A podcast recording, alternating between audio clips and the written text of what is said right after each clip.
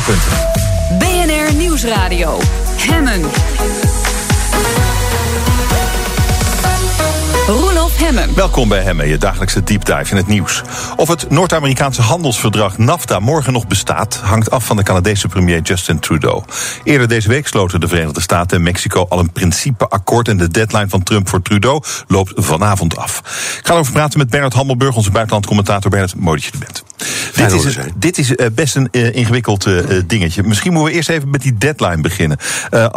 wat, hoe belangrijk is deze deadline? Nou, dat is, het is typisch Trump om te beginnen. Hij sluit maandag een deal met Mexico en zegt dan tegen de Canadezen: Je hebt tot aanstaande vrijdag om mee te doen en anders lig je eruit. Uh, en de Canadezen zaten dus echt met een probleem. Daar komen we direct nog wel even over. Wat is nou hun eigen belang? Kan dat wel, kan dat niet? Mm -hmm. Ik heb de indruk dat ze mee gaan doen. Uh, nou, waarom de haast? Er zijn een paar redenen voor. Uh, in de eerste plaats, de, er komt op 1 december een nieuwe Mexicaanse president. Uh, die wordt dan beëdigd en die heeft gezegd: ik, ik, ik vind dit eigenlijk geen goede deal. Maar ik snap dat hij er is. Maar waar ik geen zin in heb, is om als ik president word, eerst nog weer een ronde te moeten onderhandelen. Dus hij heeft tegen zijn voorganger gezegd: zorg jij nou dat het in elk geval al uh, in, in, de, in, het, in het potlood klaar is, want dan heb ik dat niet meer aan mijn hoofd. Dan is er een, dus dat is een deadline. Dan is er een andere. Het Amerikaanse congres gaat over handelsverdragen. Dus het moet gewoon door het parlement. Dus Trump mm -hmm. kan wel wat willen. En daar is ook een paar maanden voor nodig en, en waarschijnlijk veel debat. Er zijn op 6 november verkiezingen in Amerika. Dus dat maakt ook de haast, zowel aan Amerikaanse als aan Mexicaanse kant ah, okay. groot. Uh, en tenslotte, er zijn volgend jaar ook verkiezingen in Canada. Dus ook Trudeau heeft er wel belang bij om te zeggen: nou ja, dan maar een beetje haast erin. Alleen met pistool op de borst voor twee, kun je toch zeggen, zijn misschien wel de belangrijkste bondgenoten in de wereld. Amerika en Canada zijn de, elkaars grootste handelspartners en hele grote vrienden. Uh, dus dit is wel. Dit, de, de, de, de stijl is, uh, zo zeggen, niet, niet, niet, niet, niet zo prettig. Maar inhoudelijk begrijp je wel dat als je zo'n verandering al wil, dat, dan, moet er, dan moet het wel een beetje snel. Maar wat is precies de verandering? Want we hadden een NAFTA, dat eh, Noord-Amerikaanse handelsverdrag, Ja. over, tussen deze landen. En Ja. wat, wat Nou, is dat dit is, dan? Dat is een kwart eeuw oud. Ehm, en dat, eh, daar komt, dat is een soort vrijhandelsverdrag. eh, Zoals vroeger de EEG, voordat de EU bestond. Dus landen hebben in, in principe geen handelsbelemmeringen.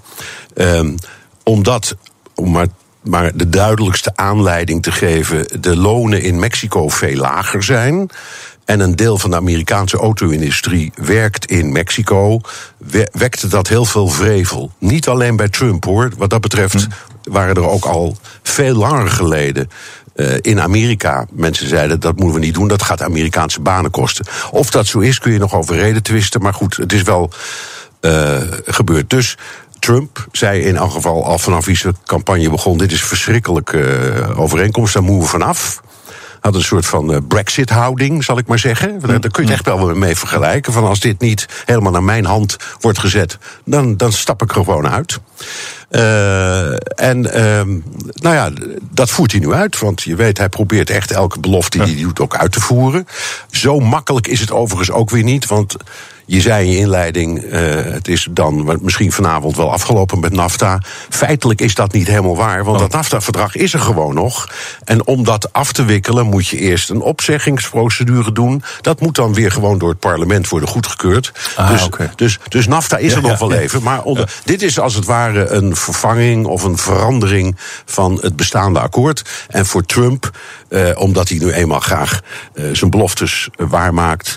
Eh, is hij begonnen met de naam. Dus dat, dat, dat NAFTA, dat, dat moet weg, dat moet anders gaan heten. Want dan kan hij tegen zijn kiezers zeggen... ik heb beloofd dat we van NAFTA afgaan. Nou, dat heb ik En gedaan. kijk eens. Ja. Eh, maar wat regelt dan dat nieuwe verdrag anders dan het NAFTA-verdrag? Eh, nou, de belangrijkste factor is waarschijnlijk de auto-industrie. Eh, er zijn een paar dingen. Eerst om te laten zien hoe ingewikkeld het is. Ford zit in Detroit, maakt daar automobielen. Maar de versnellingsbakken daarvan worden in Mexico gemaakt en de motoren in Canada. Om je een idee. Zo zit dat verstrengeld. Maar er staan ook complete autofabrieken, ook van Ford in, in Mexico. En daar worden auto's gemaakt eh, die zijn goedkoper, omdat eh, de, de, de, de lonen daar veel lager zijn. En uh, productiemethode ook iets goedkoper. En die worden dan vervolgens weer naar Amerika uh, geëxporteerd tegen een, tegen een laag tarief. Uh, en dat wekt ergernis. En Trump's ja. redenering was altijd dat kost bijvoorbeeld in onze auto-industrie banen. Dus een van de, van de elementen in dit nieuwe verdrag is. Um, de, de, de, productie van ja. uh, auto's en onderdelen uh, ook de onderdelen, moet meer in onze eigen landen plaatsvinden. Dus we gaan geen Duitse bougies meer gebruiken, maar Amerikaanse of Mexicaanse. Mm -hmm. um, en Uh, de, de lonen voor 40 tot 45 procent van de mensen in die industrie... die gaan naar 16 dollar per uur. Dat is uh, 2800 dollar per maand. Um, dat is voor Mexico uh, werkelijk ongelooflijk. Want die mensen zitten daar ja. nu tussen de 3 en 5 dollar.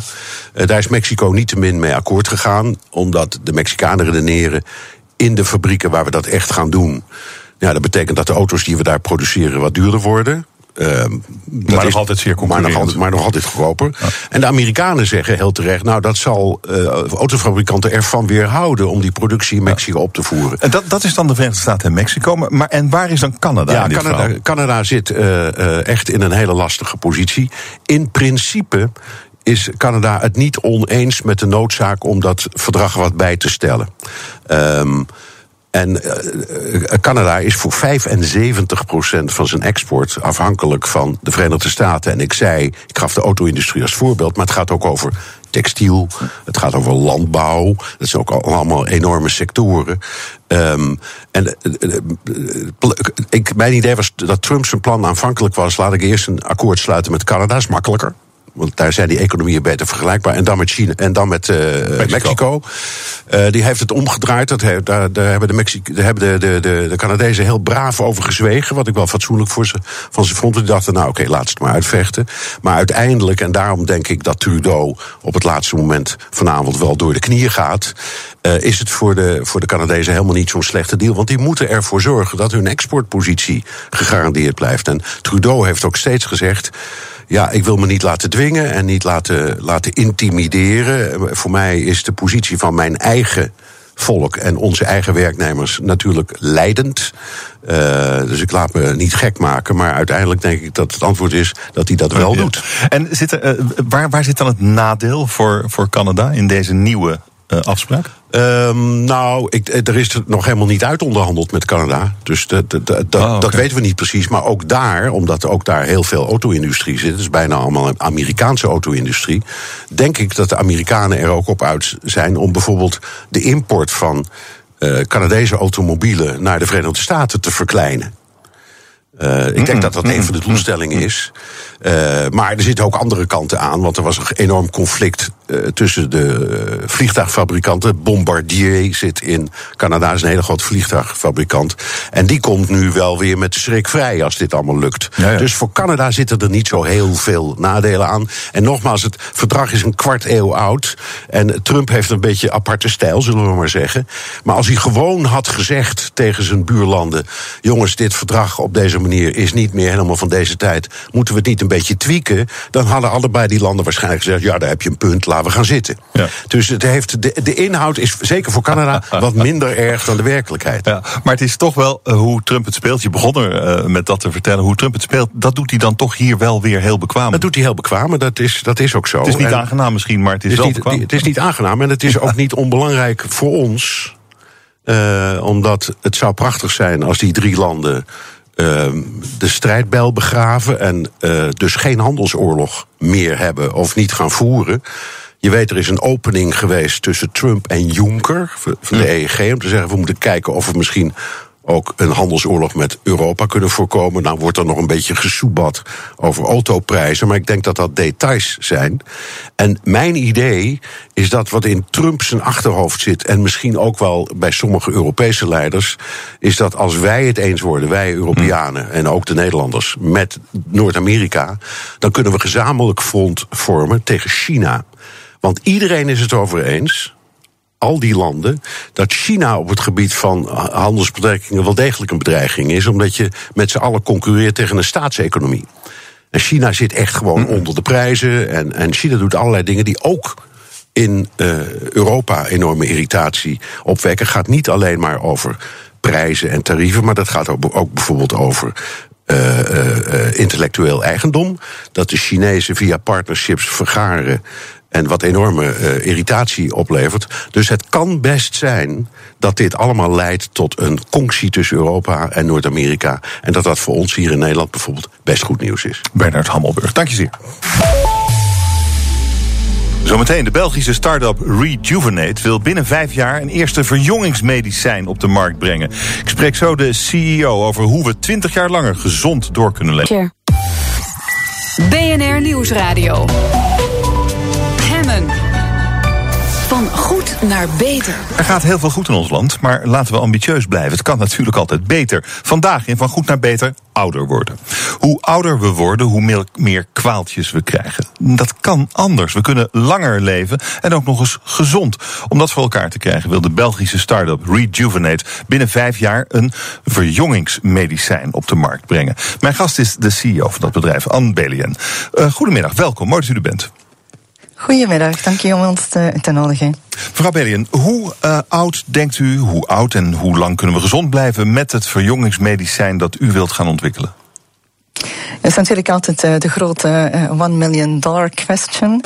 Uh, uiteraard gaan we nog heel wat moeten bewijzen. op basis van het wetenschappelijk onderzoek wat momenteel loopt, zien we dat er mogelijkheden zijn om inderdaad langer gezond te blijven en het aantal jaren dat we lang gezond blijven verlengen. Dus uh, niet zozeer inderdaad, zoals u daarnet ook uh, correct aanhaalde, we gaan niet langer leven, maar we gaan langer gezond zijn. Hoeveel jaar dat precies zijn, is een, is, ja, gaat de toekomst een beetje moeten uitwijzen.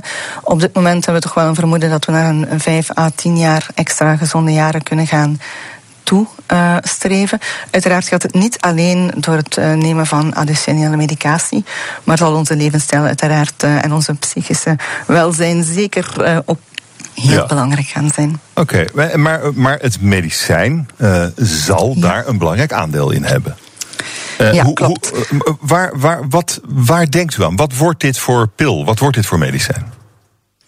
Dus um, als u mij toelaat, kan ik heel eventjes een paar stapjes in het wetenschappelijke gebied um, toelichten, zodat het iets makkelijker te begrijpen ja, wat, uh, wat precies ja. uh, deze medicatie zou moeten doen. Um, dus we weten allemaal dat we inderdaad langer leven. Hè. De, de levensverwachting is uh, heel erg toegenomen. jammer genoeg, de additionele jaren die we gekregen hebben, zijn niet altijd in goede gezondheid. En vanaf 65 zien we dat de ouderdomsziekten beginnen op te steken. Nu, er is een groot uh, gebied binnen de wetenschap, dat noemt Science, wat gaan kijken is wat er gebeurt er nu precies tijdens het verouderingsproces. En men heeft de mechanismen in kaart gebracht die hier aan ten gronde liggen. Er zijn een negental verschillende mechanismes in verschillende gebieden, gaande rond genomen instabiliteit, DNA, dus uh, telomerase, eiwitten die niet correct worden gemaakt of afgebroken. Het feit dat onze cellen minder gevoelig worden voor uh, allerhande factoren die circuleren en toch wel een positieve impact hebben op de cellen. Tot het aanwezig zijn van oude cellen die niet verwijderd worden zoals we dat normaal gezien in jongere leeftijd doen en zo verder en zo verder. Dus wat men beoogt is kijken van waar is nu de plaats op het kruispunt tussen het normale verouderingsproces en het moment dat het heel erg fout gaat. Wat gebeurt er daar precies? En hoe kunnen we voorkomen dat de cellen zo uit balans gaan? Want onze cellen hebben de normale capaciteit of de natuurlijke capaciteit om zichzelf te herstellen, maar onvoldoende. Dus in de loop der jaren gaat de mate waarin wij herstellen niet 100% zijn, gaat naar 80, naar 60, naar 40, naar 30. En wat wij gaan proberen te doen, is te zorgen dat onze cellen langer die zelfherstellende capaciteit bewaren. Mm -mm. Ja, dan uh, stel eigenlijk stel je dan inderdaad de veroudering gewoon uit. Uh, dat ja. kan nu nog niet, hè? Ja, um, dus binnen de dierproeven heeft men ah. nu al wel gezien dat dit absoluut mogelijk is. Uh, binnen de mens zitten we nu in de fase waar we nu eindelijk uh, de vertaalslag naar de mens kunnen doen. Um, zoals steeds bij onderzoek is het zo dat als men een nieuw gebied, uh, een nieuw gebied betreedt, dat er eerst heel veel basisonderzoek moet gebeuren. Daar moet men toch wel een, een tiental jaar voor rekenen om die basismechanismen goed in kaart te brengen. Vervolgens ziet men de vertaalslag naar de dierenmodellen. Er zijn verschillende dierenmodellen gaande van wormen tot vliegen, tot uh, zebravisjes, uh, tot muizen.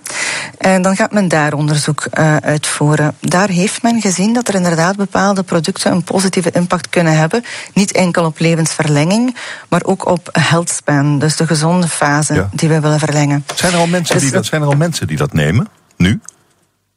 Um, er zijn mensen die allerhande middeltjes nemen, maar op dit moment is er nog geen enkel middel van bewezen is nee. in de kliniek dat het ook effectief werkt. Altijd een heel klein verschilletje natuurlijk, een kleine nuance. Um, maar u gaat, beginnen met, dat... u gaat beginnen met testen. W wanneer uh, wanneer kunt u gaan beginnen met die testen? We zijn nu al uh, volop uh, bezig met het testen in uh, bepaalde dierenmodellen. En volgend jaar gaan we naar de kliniek, dus gaan we naar de mens. Ja, en hoe gaat, hoe gaat dat eruit zien, die test op mensen? Dus binnen de mens gaan we eerst moeten aantonen dat wij een positieve impact hebben op uh, wat wij noemen resilience, dus uh, de veerkracht van de mens. Um, dus die klinische studies worden nu besproken met experten in het gebied en kunnen in verschillende richtingen gaan. Um, Eén manier is om bijvoorbeeld te gaan kijken naar een operatieve ingreep waarin men waarin men op een of andere manier um, geïmmobiliseerd is. Um, en dan kijken naar het herstel van die personen na de immobilisatie. Dat zijn bijvoorbeeld uh, studies die kunnen gebeuren of um, vaccinatie bij ouderen. We weten dat ons immuunsysteem uh, ook veroudert. Uh, dus uh, de manier waarop wij antistoffen gaan genereren na een vaccinatie op oudere leeftijd is een beetje verschillend. Ook hm. op die manier kan men weer metingen gaan doen. Maar er zijn er nog veel meer hoor. Ja, ja. Maar het, en dan over, over hoeveel jaar denkt u dan dat die er is, dat medicijn? Ja, dus um, dat heeft een beetje te maken met onze aanpak. Um, op zich is het natuurlijk altijd heel snel als men statements maakt van over vijf jaar hopen wij uh, het product bij de mensen te kunnen brengen. Um, normaal gezien, als je naar het traject kijkt van een geneesmiddelenontwikkeling en die kijkt naar een nieuw product, dat nog goed moet bewijzen dat het ook veilig is in de mens, dan praat je toch over 10 à 15 jaar. Oh. Um, wij kunnen dus iets sneller gaan en dat heeft te maken met de manier hoe dat wij uh, onze compounds geselecteerd, onze producten geselecteerd hebben. Dus we zijn hm. gaan kijken naar geneesmiddelen die reeds op de markt zijn voor andere aandoeningen. Totaal irrelevant voor het verouderingsproces, maar die wel veilig genoeg waren voor een gezonde populatie. Want ah. uiteindelijk, in het verouderingsproces zijn wij niet, of wij voelen ons alleszins niet echt ziek. Dus we willen ook geen enkele vorm van bijwerkingen hebben. Ja, ja. Dus we zijn ah. gestart aan de veiligheidskant. Um, bij die producten zijn we dan gaan kijken welke kunnen wij nu op basis van hun werkingsmechanismen. Um, er is heel veel studies ondertussen gebeurd met deze producten, omdat die al zo lang op de markt zijn. Hoe kunnen we nu daar een link vinden tussen hoe dat het product werkt en de mechanismes die belangrijk zijn tijdens het verouderingsproces. Wow, ja. Dat maakt dat wij een aantal stappen kunnen overslaan. En wat is dan uh, voor een mens de ideale leeftijd om te beginnen met dat medicijn, als het er is over vijf of over tien jaar? Ja, de, je hebt de, de, ideale leeftijd en je hebt de praktisch haalbare leeftijd. Hmm. dus ik zeg altijd, het verouderingsproces begint inderdaad relatief vroeg. Um, we voelen het allemaal toen we twintig waren en we gingen een nachtje stappen. Uh, de recuperatie nadien was zeer kort. Als ik dat nu momenteel doe, nu dat ik uh, eh, 51 ben, is dat iets langer. dus ja, ja klopt. dus men ziet uiteraard wel dat de veroudering al, al relatief vroeg inzet. Um, idealerwijs zou je inderdaad vanaf je dertigste ergens al kunnen beginnen met het onderhoud van je cel. Want uiteindelijk is het gewoon een onderhoud van je cellen wat je doet. Um, maar wij zeggen uh, praktischerwijs denk ik dat we eerder richting uh, eh, 50 gaan, waar dat we gaan uh, starten met, met het product. Uiteraard kan het ook later, het kan ook op 60, 65, 70. Het gaat erom dat je je cellen die je hebt zo gezond mogelijk houdt. En hoe duur zou dat medicijn straks zijn, mevrouw Belien? Dat is een van de componenten die we momenteel meegenomen hebben in de selectie van onze compounds. Um, wij willen graag een product dat haalbaar is voor iedereen. En dat niet een, een exceptioneel duur uh, product wordt. Dus in onze selectiecriteria hebben we meegenomen alle producten die niet extreem duur zijn om te produceren. En dat maakt dat wij hopelijk straks in een aanvaardbare range gaan komen, die meer richting gaat van um, bij wijze van spreken sportabonnementen en dergelijke. Als je die telt op jaarbasis, dan denk ik dat wij in die range gaan, uh, gaan alleszins proberen te blijven. Ja, ja, tussen de 20 en de 50 euro per maand. Bij wijze van spreken. Oh, dat is wel goed te doen. Is... Ja, de reden, de reden waarom dat voor ons belangrijk was, is omdat wij um, graag de mogelijkheid hebben voor iedereen om hierin te stappen. Uiteraard wordt het een voorschriftproduct, dus het wordt voorgeschreven door de arts. En in eerste instantie zal het bij mensen terechtkomen die al um, een verhoogd risico hebben op ouderdomsziekte. Om dan zo langzaam richting de, wat wij noemen de gezonde populatie te gaan. Maar je zou hier best meer voor kunnen vragen, vermoed ik. Dit wil iedereen. Ja, goh, uh, ik ben een wetenschapper van achtergrond, dus uh, hier is een beetje misschien uh, de ja. mismatch met het commerciële. Nou ja, ik, ik, vind het mooi wat u doet, maar, maar ja, misschien, is het, misschien laat u geld liggen. Ja, weet je, voor ons is het ook een beetje anders, omdat wij, wat wij doen binnen het bedrijf is tot en met fase 2 van het ontwikkelingstraject. Dus dat betekent dat wij um, na fase 2, dan heb je het regulatoire traject fase 3, om de registratie te krijgen van het product. Die fase 3 gaan wij niet zelf uitvoeren. En wij gaan het product ook niet zelf naar de markt brengen. Dus wij doen eigenlijk um, het bewijs, wij, leven, wij gaan tot en met een bewijs in de mens dat het werkt. Dat maakt ook dat ons terug verdienmodel iets anders ja. is en relatief onafhankelijk is van de eindprijs. Hm. Nou, ik hoop dat het uh, snel klaar is en ik uh, kan niet wachten eigenlijk. Dank u wel voor dit gesprek. Anne Belien. Heel graag gedaan. CEO van de Belgische start-up Rejuvenate. Met 59 punten. Nieuwsradio. Hemmen. Fijn dat je luistert naar Hemmen, je dagelijkse deep dive in het nieuws. Studenten van Saxion Hogeschool duiken samen met rechercheurs van de politie in een aantal cold case zaken. Dat zijn moordzaken die nooit opgelost zijn. Met behulp van de inzichten van die studenten is het de bedoeling dat zaken heropend kunnen worden en dan misschien wel opgelost kunnen worden. Ik praat erover met Jaap Knotter. Hij is lector Advanced Forensic Technology aan de Hogeschool Saxion in Deventer en Enschede. Welkom meneer Knotter, mooi dat u er bent. Dank u wel en bedankt voor de uitnodiging om hier te mogen zijn. Hoe werkt dat precies? Uh, wat doet u met uw studenten aan die cold case zaken? Nou, wat we proberen te doen is met de, de groep studenten die wij uh, toebedeeld krijgen, de zaak met een nieuwe frisse blik opnieuw te gaan bekijken. En kijken of we nieuwe aanknopingspunten kunnen vinden voor hernieuwd onderzoek. Wat voor, wat voor zaken heeft? Kunt u ze een paar noemen?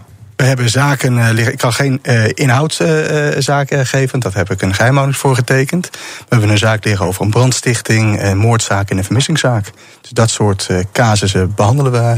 En waar, waarom, wie's initiatief is dit? Initiatief komt uh, bij mij vandaan. Ja, oké. Okay. Uh, Waarom dacht u dit, dit is nuttig, dit moeten we gaan doen? Hier, ja, kunnen, we wat aan, hier kunnen we wat bijdragen. Nou, de politie die heeft heel veel werk om handen. Die krijgt dagelijks nieuwe zaken tot behandeling en cold case zaken. Dat is echt een hele klus om daarin te duiken. Als het een makkelijke oplossing zou zijn, had de politie het toen de tijd al opgelost. Dus die zaken liggen op de plank en wij zaten te kijken, kunnen we een combinatie kunnen vinden waarbij studenten een frisse blik kunnen werpen op taken van de politie zouden kunnen overnemen uh, en werk voor hen gaan doen, zodat zij ook effectiever het vervolgonderzoek kunnen gaan doen. Daarover zijn wij een pilot gestart samen met de eenheid Midden-Nederland. En hebben we gekeken waar snijdt dan het mes aan twee kanten. Kunnen wij aan die voorkant met studenten wat vooronderzoek gaan doen en nieuwe informatie proberen te verzamelen. Zodat de politie hopelijk een hernieuwd onderzoek kan openen. Met de middelen die de politie tot haar beschikking heeft en die wij als uh, hogeschool niet tot onze beschikking hebben. Dus hoe werkt u dan met uw studenten? Hoe, hoe begint zo'n zo'n onderzoek wat u doet? Wij beginnen eigenlijk heel erg blanco. Het hangt een beetje vanaf wat voor opdracht we hebben. De opdracht kan of bij de politie vandaan komen. Maar de opdracht kan ook vandaan komen bij nabestaanden van uh, cold case zaak. Die ons de opdracht gunnen van, goh, kijken jullie nog eens naar de zaak? Uh, en afhankelijk van wat voor materiaal we krijgen, daar starten we mee. En we starten veelal met gewoon een grote brainstorm van wat zou hier gebeurd kunnen zijn. U heeft gewoon het dossier, u heeft het bewijs, ook het forensisch bewijs neem ik dan aan? Nou, dat hangt of een, een beetje af, daarvan? Dat hangt af van, van wie dan de opdrachtgever is. Als Aha. de politie de opdrachtgever is, kan het zijn dat we alleen maar bewijsmateriaal hebben. En dat kunnen een paar kleine SWO-stukken zijn, dat is het. SWO? SWO-stukken zijn stukken van overtuiging. Dat zijn spoordragers, een, een wattenstaafje of een stukje katoen... waar dan mogelijk sporen van een dader op zouden kunnen zitten. Uh, en voor de rest krijgen we veelal niet, omdat dat met privacy te maken Ah. Uh, krijgen wij de opdracht vanuit nabestaanden. Die kan dan alle gegevens die zij hebben verzameld door de loop der tijd aan ons overhandigen. En hebben veel meer informatie. Dus afhankelijk een beetje van de opdracht en de vraag die we moeten beantwoorden, uh, starten wij met het onderzoek. En uh, dan gaat u kijken, als we naar dat, dat forensisch bewijs kijken, zo'n wattenstaafje, zo'n stukje stof. Um, wat gaat u daar dan mee doen? We gaan sowieso eerst kijken op zo'n wattenstaafje van wat voor materiaal zit erop. Uh, De, de technieken die ze toen de tijd hadden, uh, was misschien veel grofmaziger. Dus materiaal wat toen de tijd onvoldoende was om op te waarderen naar een compleet DNA-profiel, was toen de tijd niet mogelijk. Maar misschien zal dat met nieuwe technieken nu wel mogelijk kunnen zijn.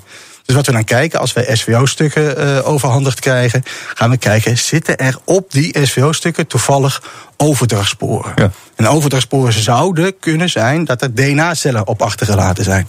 Ik zeg helemaal niet dat het ook DNA-cellen zijn van enkel en alleen de dader. Het kan ook van de normale rechercheur zijn, of de andere hulpverlener, of een andere getuige. Mm -hmm. Maar het zou kunnen zijn dat daar een DNA-spoortje op zit, een DNA-cel op zit, van een onbekende of van een person of interest, om even in het jargon van de politie te mogen praten. Ja, dan zou je op basis daarvan weer heel het onderzoek kunnen gaan doen. En doet u dat dan ook? Of gaat het dan weer terug naar het, uh, het NFI, het Forensisch Instituut? Nou, op het moment uh, dat het uh, nieuwe uh, opsporingsonderzoeken kan opleveren. Waarbij dus justitie hmm. zegt: de zaak is niet meer een cold case, we heropenen de zaak. Dan is het eigenlijk zaak dat de politie het dan het stokje weer overneemt. Ja. Want zij hebben de middelen en de bevoegdheden om mensen aan te gaan houden, mensen te gaan verhoren, een telefoon gaan af te luisteren. Dat zijn allemaal bijzondere opsporingsmiddelen. Die kunnen wij als lectoraat kunnen we dat uiteraard niet aanbieden. Het lijkt me wel waanzinnig als je iets ontdekt. Heeft u dat al meegemaakt? Nou, wij hebben uh, een spoor aangetroffen op een uh, SWO-stuk die al verjaard is. We hebben een aantal jaar geleden zijn we gestart met een nieuw te ontwikkelde methode om van SVO-stukken uh, DNA-cellen af te halen. En het zijn technieken die we ontlenen enerzijds uit de microbiologie, anderzijds vanuit de nanotechnologie. En met de combinatie van dat soort technieken waren wij in staat om van SVO-stukken, waar gedacht van werd, er zit veel te weinig materiaal op, daar kun je niks hm. mee. We waren in staat om DNA-cellen te isoleren, er vanaf te halen, op te waarderen tot een compleet profiel. De stukken die we hadden gekregen eh, in eerste instantie waren eigen gemaakte stukken. Dus ik kregen we ook eh, het commentaar vanuit het werkveld. Ja, ja, dat zijn eigen gemaakte stukken. Die hebben jullie met veel forensische sensitiviteit hebben jullie die ontwikkeld. Logisch dat je daarop het aantreft. Ja, ja, ja. Nou, zeiden van, nou, geef ons dan stukken die conform de operationele praktijk zijn uh, gemaakt. Die jullie niet meer kunnen gebruiken. Geef ons dat dan als testmateriaal. Nou, dan heeft uh, de eenheid Amsterdam heeft ons uh, oude stukken overhandigd, die al verjaard waren, dus waar juridisch geen mogelijkheden meer mee waren. Maar dat is wel, zijn wel stukken die conform de toenmalige praktijk gemaakt zijn. Dus met alle eventuele verstoringen en uh, vervuilingen van dien. Hmm. Nou, ook op die stukken waren wij in staat om de DNA-cellen die daarop zaten te isoleren, te vinden, er vanaf te halen en op te waarderen tot een profiel. Ja, kijk, en hoe oud zijn die zaken dan zo ongeveer? De zaken die we tot nu toe hebben gehad waren van eind jaren, begin jaren 90. Ja, dat is echt, echt oud. maar, oude zaken. Maar oké, het is dan wel zonde dat die, die, die zaak die u beschrijft, die is dan verjaard. Uh, maar wanneer begint het eerste politieonderzoek op basis van wat jullie gedaan hebben? Daar zijn uh, twee uh, casus die we nu in portefeuille hebben. Uh, een zaak die we samen met Midden-Nederland doen, daar zijn we volop mee bezig. Daar is niet echt SVO-materiaal voorhanden. Daar moeten we echt in open source gaan zoeken om te kijken... kunnen we nieuwe aanwijzingen vinden. Wat, wat is dat? In... Een open source, dat is echt in open bronnen proberen kijken... of je nieuwe informatie kan halen die een bepaalde verhaallijn kunnen bevestigen of kunnen ah, ontkrachten. Dus dat is niet het forensisch bewijs, dat is echt, echt u gaat echt kijken naar wat er gebeurd is. Wat er gebeurd is en of je nieuwe aanknopingspunten kan vinden die een bepaalde verhaallijn kunnen ondersteunen of kunnen falsificeren. En vindt u wat? Uh, in de open bronnen uh, is verrassend veel informatie uh, te vinden. Echt verrassend veel. Geef eens een voorbeeld, als dat kan. Nou, dan moet ik wel heel erg in, eh, in, in detail. die vind ik lastig. Ik vind het uh, mooier om een zaak te pakken uh, die wij in behandeling hebben genomen. Dat ging over een brandstichting. En er was de onderzoeksvraag die daarin speelde. Is de brand van binnenuit ontstaan? Of is de brand van buitenaf? heeft, is die daar zijn hm. oorsprong gevonden? Waarbij van binnenuit ontstaan zou het scenario of de verhaallijn kunnen zijn dat de brand van binnenuit is aangestoken, dat het een ongeluk is gebeurd of iets in die geest. Als de brand van buiten is aangestoken, is het veel aannemelijker dat er een externe kracht is geweest die iets ja. uh, de brand heeft veroorzaakt. Dat je veel meer in een misdrijfscenario moet gaan denken. Nou, dat verhaal, die reconstructie van zo'n brand, dat was in onze onderzoeksfaciliteit is dat mogelijk. We hebben een prachtig test- en oefencentrum voorhanden waar we dit soort experimenten veilig kunnen gaan uitvoeren. Dat zijn hele arbeidsintensieve, hele kosten. Uh, dure, dure projecten om die uit te gaan voeren, die hebben wij tot onze beschikking. En met behulp van studenten kun je een prachtig scenario reconstrueren. Waarbij je dus antwoord kan geven op dit soort cruciale onderzoeksvragen. Precies. En die, uh, maar die echte zaken waar u aan werkt, die, die gaan op een gegeven moment gaan die naar de politie. Daar bent u van overtuigd. U denkt dat u iets gaat vinden. Wij hebben uh, een uh, samenwerksovereenkomst getekend. Waarin we hebben afgesproken dat het voorwerk wat wij gaan doen. Uh, dat verzamelen we allemaal en daar schrijven we een rapport van. En het ideale is dan dat op basis van het rapport de politie één op één een doorstart kan maken en een zogenoemd artikel 27 procesverbaal kan schrijven, waarbij zij de laatste stappen kan zetten om tot het volledige bewijs te kunnen komen ja. en de zaak uh, mogelijk uh, nieuw leven in te blazen. Ja, maar, maar, dat gaat ook echt gebeuren dus? Dat hopen we wel. Bent ik heb geen glazen bol. Bent u, bent u er al dichtbij? Dat durf ik niet te zeggen. Ik heb geen glazen bol, we doen ons best. Ik wil geen valse verwachtingen wekken die ik achteraf niet na kan komen. Er zijn zoveel variabelen die daar een rol in spelen. Maar we doen ons best. En er zijn alle, alle handelingen, denk ik, die je doet in zo'n onopgeloste zaak, is al van meerwaarde. Sowieso dat je, dat je ermee bezig bent, is voor de nabestaanden volgens mij een enorme opsteken van... hé, hey, de zaak ligt niet te verstoffen. Er zijn nog steeds mensen bezig met onze zaak... waar wij onze geliefden missen of die wij al lange tijd kwijt zijn. Maar uiteindelijk gaat het natuurlijk ook om die studenten... die die cold case zaken onderzoeken. BNR Nieuwsradio. Mijn gast is Jaap Knotter. Hij is lector Advanced Forensic Technology aan Hogeschool Saxion in Deventer. Um, en we hadden het over uh, hoe studenten uh, cold cases aan het onderzoeken zijn. Echte zaken, echte moordzaken. Um, wat, wat, steekt een student ervan op om zo bezig te zijn met, met een echte zaak? Dus niet in een, in, met zijn neus in een boek van een laboratoriumopstelling, uh, een echte zaak.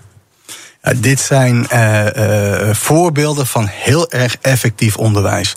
Niks is beter om je, je kennis en je vaardigheden toe te gaan passen op operationele zaken. Als je, als je zo'n soort aan zo'n studie mag gaan werken of aan zo'n kaars mag gaan werken, dat werkt enerzijds hartstikke motiverend en het is meteen toepasbaar op een concrete werksituatie. Het is dus geen gesimuleerde uh, opgave, het is geen schoolse oefening. Nee, het is echt. Ja. En je merkt gewoon dat studenten, als ze starten met zo'n casus, zich er helemaal in vastbijten. Hun kennis en expertise die ze opgedaan hebben in die jaren daarvoor. En het kunnen dus hele diverse achtergronden zijn. Het kunnen mensen zijn die een chemische opleiding hebben gedaan, een creatieve therapieopleiding hebben gedaan, een forensische opleiding hebben gedaan, of een biomedisch laboratoriumonderwijsopleiding hebben gedaan. Dus verschillende achtergronden worden gecombineerd. Die kennis wordt met elkaar gedeeld, wordt aangevuld op elkaar en toegepast op zo'n concrete zaak. En dat werkt qua motivatie ongelooflijk fantastisch. Ja, vooral als je overal om je heen ziet dat die cold case zaken dan plotseling toch weer opgelost worden. Of bijna opgelost worden, zoals de zaak Nicky Verstappen bijvoorbeeld. Ook een 20 jaar oude moordzaak. Ja, dat is natuurlijk de drive die denk ik heel veel studenten uh, uh, hebben. Zeg van, nou kan ik een steentje bijdragen hmm. voor eerlijkheid gebied wel om te zeggen dat wij wel die uh, motivatie of die, die, die, die, die punt op de horizon wat proberen reëel bij te stellen. We hebben een half jaar een groep studenten tot onze beschikking. Half jaar lijkt heel veel, maar het kost heel veel tijd om dit soort onderzoek te gaan doen. Dus uh, wij zeggen wel aan de voorkant, nou, nee. pin je niet vast op dat je die zaak daadwerkelijk gaat oplossen. Want dan kan je misschien teleurgesteld zijn, want misschien aan het einde van de rit is het niet zover. Maar we gaan wel onze stinkende best doen en een een steentje bijdragen aan de mogelijke oplossing van zo'n zaak. En je merkt aan studenten die de afgelopen halve jaren eh, bij ons hebben eh, geparticipeerd, dat ze zich helemaal vastgebeten hebben aan die zaak. En als Albert via vrijwillig aanbieden, mogen wij nog doorgaan met ja. deze zaak. Ze zijn helemaal betrokken oh. daarin. En dat aan de ene kant is dat fantastisch. Aan de andere kant moet je ook oppassen dat het, het zijn geen volleerde politierechercheurs die bepaalde distantie op, op een gegeven moment kunnen krijgen. Dus dat moet je wel heel goed in de gaten houden, dat ze er niet in gaan verdrinken. Dat ze, zich, dat ze meegesleept worden in Absoluut, ja. Wat gebeurt er dan als, als dat iemand overkomt? Dat is vast al een keer gebeurd. Nee, dit is tot op heden nog, ja? uh, nog niet gebeurd. We hebben wel uh, wekelijks hebben wij uh, bijeenkomsten met elkaar, waarbij we als groep bij elkaar komen. Waarbij enerzijds de inhoudelijke informatie van een zaak wordt gedeeld. Maar anderzijds ook gekeken wordt naar persoonlijke omstandigheden. Van ja, hoe zit je er nu nog in? kan je het allemaal handelen? Zodat er wel dus hm. open over gesproken kan worden. En daar ook gewoon gepaste handelingen aan, aan te pas kunnen komen. Het is wel zo dat u werkt natuurlijk met studenten, met echt bewijsmateriaal. Ja. Uh, daar zit misschien ook wel een risico in. Het is niet in de professionele handen van de politie of het uh, forensisch lab. Dat klopt. Um, dat lijkt me een zware verantwoordelijkheid. Dat is enerzijds een, een, behoorlijk zware verantwoordelijkheid. Wat je probeert te doen is dat je geen destructief onderzoek gaat doen. Dus dat je probeert een methode te testen conform de operationele praktijk. En dat je probeert te zeggen, de methode werkt. Nou zou het mooi zijn als we de methode kunnen herhalen in een geaccrediteerde laboratorium met geaccrediteerde mensen, zodat als er bewijs afkomt en wil je die gaan gebruiken in een opsporingsonderzoek, dat het ook kan. En dat is ook de stap die we het komend half jaar gaan zetten. We zijn in gesprek met onze partners om te kijken, hebben wij van het nieuwe materiaal wat we komend half jaar krijgen, uh, zit daar wat op? Laten wij dan alsjeblieft kijken of we dat in een SVO uh, of in een forensisch geaccrediteerde omgeving, om daar dan uh, die handelingen te gaan verrichten. Er zijn, als ik het goed heb, misschien wel 1500 cold cases. Dat zijn waarschijnlijk niet allemaal moorden, maar het zijn wel onopgeloste misdrijven. U doet er nou een paar. Ja. Uh, maar het is een enorme markt, als ik het zo mag noemen. Ja. Uh, wat moet er met al die andere zaken gebeuren? Nou, je moet eigenlijk elke zaak proberen uh, te kunnen behandelen. Ja. Kijken of daar nieuw leven in geblazen kan worden. Ja. Want aan de voorkant kan je nooit bepalen van deze zaak gaan we oplossen. Het is een enorme hoeveelheid. en als wij daarin een steentje kunnen bijdragen, is dat, is dat prachtig. Uh, en, maar eigenlijk zou je al die zaken moeten kunnen gaan pakken. Maar ja, ook wij zijn beperkt.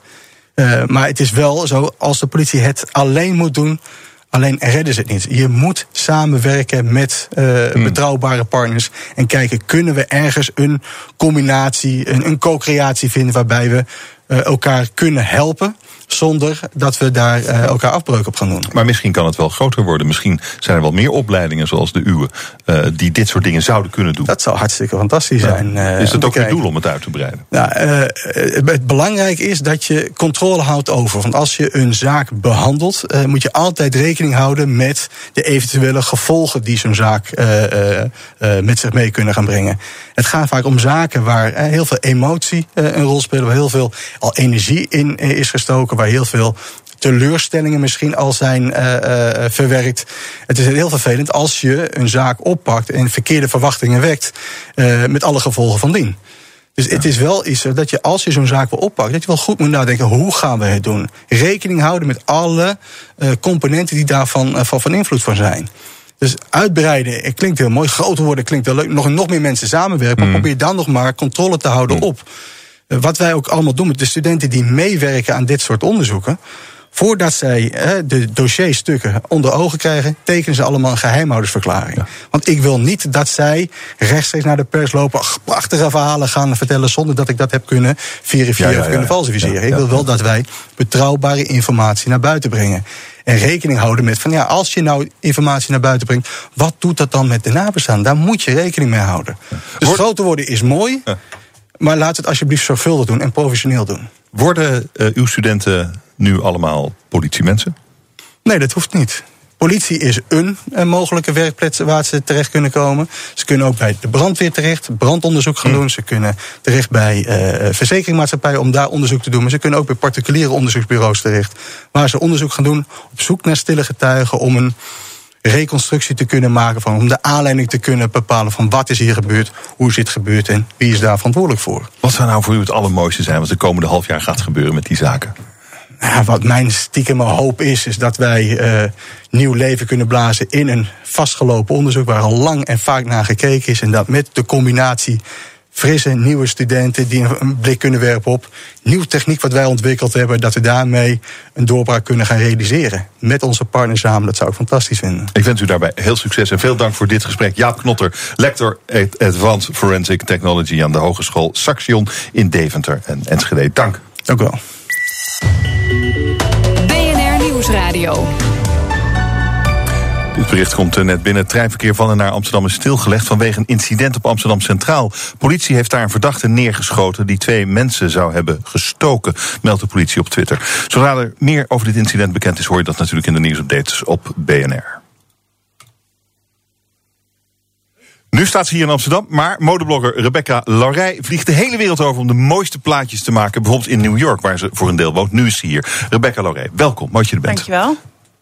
Uh, je leeft voor een deel in Nederland, maar ook in New York. Hoe ziet je leven er dan uit? Um, veel heen en weer vliegen. Uh, de, de, reden dat we uiteindelijk naar New York verhuisd zijn um, voor mijn werk is omdat we de, continu heen en weer aan het vliegen waren binnen uh, tussen Europa en Amerika. We? we? we mijn man en oh, ik.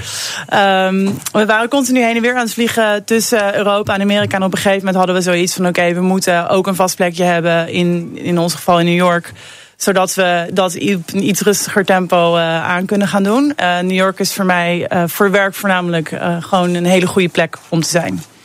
Want wat is precies je werk? Je bent een modeblogger. En ik, ik, als ik kijk, als ik, dan zie ik jou op allemaal mooie plekken. In uh, mooie kleren. Je ziet er altijd heel erg mooi uit. Uh, en dat is, en dat, maar dat is dan je werk. Ja, klopt. Uh, mijn werk bestaat uit heel veel verschillende facetten. Waarvan het gedeelte foto's op mooie locaties in mooie kleding natuurlijk hetgeen is wat zichtbaar is op internet. Ja. Op zowel mijn website als op mijn eigen Instagram en, en andere social media kanalen. Um, daarnaast um, gaat er natuurlijk heel veel werk achter de schermen um, uh, door. Uh, e-mails, interviews, uh, samenwerkingen met merken. Dat is eigenlijk het hoofdding wat ik doe. Ik werk samen met kledingmerken, maar ook lifestyle-merken, beautymerken, um, hotelketens. Mm -hmm. Om voor hun eigenlijk een soort van reclame te maken online. En de persoonlijke touch van mij als blogger um, is wat het. Um, ja, wat het overbrengen iets meer uh, menselijk maakt Ja. dan, dan een magazine bijvoorbeeld. Ja, het is ongewoon werk, maar dat is inderdaad het verdienmodel. Het is een soort van. Uh, het, het zijn eigenlijk kleine reportagetjes die, die eigenlijk op zichzelf ook reclame zijn. Dat is Ja. het eigenlijk. Het is, Ja. het is een mengvorm, hè? Ja, het is een mengvorm. Uiteindelijk is het allerbelangrijkste in wat ik doe, is dat je iets doet wat dichtbij je staat. En dat je met de merken samenwerkt, of je er nou betaald voor krijgt of niet. Um, die Nou, bij jou passen.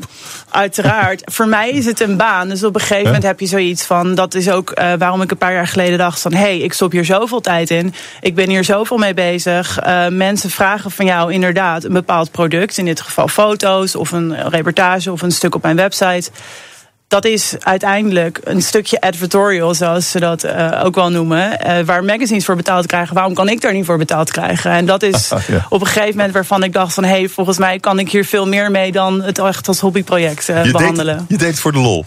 Ja. En, en Ja. wanneer ben je een pro geworden? Um, ik ben zeven jaar begonnen echt als hobbyproject naast mijn vaste baan in de mode. Ik werkte in de marketing. En ik miste heel erg een soort van creatief aspect um, in mijn baan. Want ik werkte wel in de mode, maar ik werkte niet met mode. En op een gegeven moment ben ik een beetje geïnspireerd door een vriendinnetje van mij dat begonnen was met een blog. Ben ik begonnen met mijn eigen blog. Maar ik had het niemand verteld omdat ik het eigenlijk doodeng vond. En ik dacht, iedereen gaat me belachelijk maken met mijn foto's op internet zetten. Maar ik dacht, weet je, dit is ook wel een heel mooi uh, middel om mijn passie te delen met mensen die daar ook in geïnteresseerd zijn. Want alleen die mensen gaan kijken naar mijn foto's. Ja, maar je hebt waanzinnig veel uh, volgers. Hoeveel alles bij elkaar? Um, ik, het meeste aantal volgers zit op, uh, op Instagram. Daar heb ik nu 182.000 volgers. En heb ik natuurlijk nog de bezoekers op mijn website. Um, op Facebook zit ik iets over de 100.000 heen, geloof ik. En um, op Twitter. Twitter is voor mij minst belangrijk, minst relevante uh, Hmm. kanaal. Omdat ik natuurlijk veel werk met foto's. Het is heel visueel. Um, is zijn Instagram en Facebook voor mij toch een stukje uh, Mhm. mm belangrijker. Ja.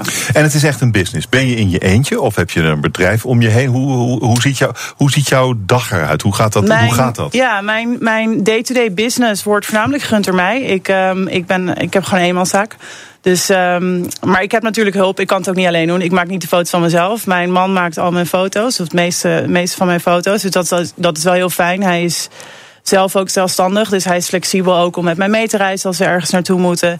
En um, op die manier kunnen we on the go veel content creëren. Daarnaast heb ik ook nog een management en agency in New York zitten... die mij heel erg uh, geholpen hebben de afgelopen paar jaar... om mij um, in de markt te zetten, ook in Amerika. En die helpen mij ook met het afhandelen van um, uh, onderhandelingen en contracten uh, over de hele wereld eigenlijk. Ah, ah. Dus die Ja, pakken het stukje zaken eigenlijk van me over. Want je werkt echt overal en je kunt ook overal Ja. werken. Ja. Dat is eigenlijk wel briljant. Het is het, het is, ik vind het eigenlijk een van de leukste dingen van wat ik doe. Is dat ik op zoveel mooie plekken mag komen. En natuurlijk met leuke mensen mag samenwerken. En mooie kledingmerken mag samenwerken. Um, maar dat, dat reisaspect is eigenlijk iets wat ik het allerleukst vind. Um, hoe gaat dit verder? Want je vertegenwoordigt in feite merken, maar je bent zelf natuurlijk ook een merk. Uh, je bent ook met een schoenenlijn begonnen. Ja. Hoe Ik- zit dat? Ik, heb, um, ik ben vorig jaar benaderd door een uh, Zweeds uh, schoenenmerk. Waarvoor die hebben mij gevraagd om voor de fall-winter collectie van dit jaar, dus eigenlijk 14 maanden van tevoren, een schoen te ontwerpen. Iets wat ik heel eng vond, maar tegelijkertijd ook heel leuk. Want ik ben natuurlijk heel veel bezig met wat heb ik aan en wat trek ik aan naar die show of voor deze shoot. Maar ik ben niet echt bezig met wat trek ik volgend jaar aan. Dus dat was wel even een nieuw ding voor mij. Maar het was heel leuk om te doen, omdat ik op die manier heel creatief bezig kon zijn. En in plaats van mijn product, wat normaal gesproken een foto is, ik een fysiek product in handen had, wat ik aan kon trekken, uh, waar ik naar kan kijken, wat andere mensen aan kunnen trekken. En waar ook heel leuk op de zool en aan de binnenkant mijn naam nu op staat. Dus het is op een hele andere manier um, bezig zijn met wat ik doe. Maar op, het is ook heel natuurlijk. Het traject is eigenlijk heel natuurlijk mm. gegaan. Want ik ben zoveel bezig met kleding. Ik weet precies wat ik leuk vind en wat ik niet leuk vind. En om dat te mogen stoppen in een product wat ik daadwerkelijk kan aanraken, was wel echt super gaaf om te doen. Dus wat is de volgende stap na de schoen? De volgende stap, ja, ik ben heel erg bezig op dit moment met kijken van what's next. Niet omdat ik wil stoppen met wat ik doe, maar ik wil heel graag mijn ervaring en de jaren um, die ik in deze scene gewerkt heb. Uh, gebruiken voor iets uh, wat meer sustainable is in de toekomst. Want op dit moment ben ik natuurlijk redelijk afhankelijk van een social media app Instagram. Ik heb daar zelf geen controle over. Dus ik ben heel erg aan het kijken van hey, hoe kan ik het uitzetten voor mezelf. Um, naar iets wat ik langer kan doen en wat ik, uh, voor me, waar ik zelf heel erg de controle over uh, kan houden. En inderdaad, de schoenenlijn is daar een heel mooi um, ja, eerste stap in. Ik zou het heel gaaf vinden om uiteindelijk echt mijn eigen productlijn te hebben. Daarnaast doe ik een stukje um, consultancy ook voor modemerken. Want ja, ik, ik doe het al een tijdje. Dus ik kan vanuit eigen ervaring kan ik vertellen van hé, hey, dit werkt wat mij betreft wel en dit werkt hmm. niet. Um, en daarnaast doen we ook een stukje productie voor merken. Omdat er op dit moment, zeker met alle social media die er is, heel veel behoefte is aan content. En um, ik natuurlijk dat al een tijdje doe. Dus um, op die manier proberen we ook het stukje productie, mijn man en ik, um, langzaamaan ook een beetje uit te breiden. Waarin we ook iets meer achter de schermen gaan werken. In plaats van altijd maar voor de schermen. Dus dat is wel, de afwisseling is voornamelijk gewoon echt wel leuk. Ik wens je veel succes en hartelijk dank voor dank dit gesprek. Modeblogger. 59,2 punten. Nieuwsradio. Hemmen. Roelof Hemmen. Fijn dat je luistert naar Hemmen, je dagelijkse deep dive in het nieuws. Voetbalclub AZ speelt de afgelopen jaren voetbal met een prima resultaat. Een regelmatige top 4 in de Eredivisie. Ik ga erover praten met de algemeen directeur van AZ, Robert Eenhoorn. Welkom, mooi dat u er bent. Ja. Uh, wat, wat, is, wat is uw grootste ambitie voor het komend seizoen?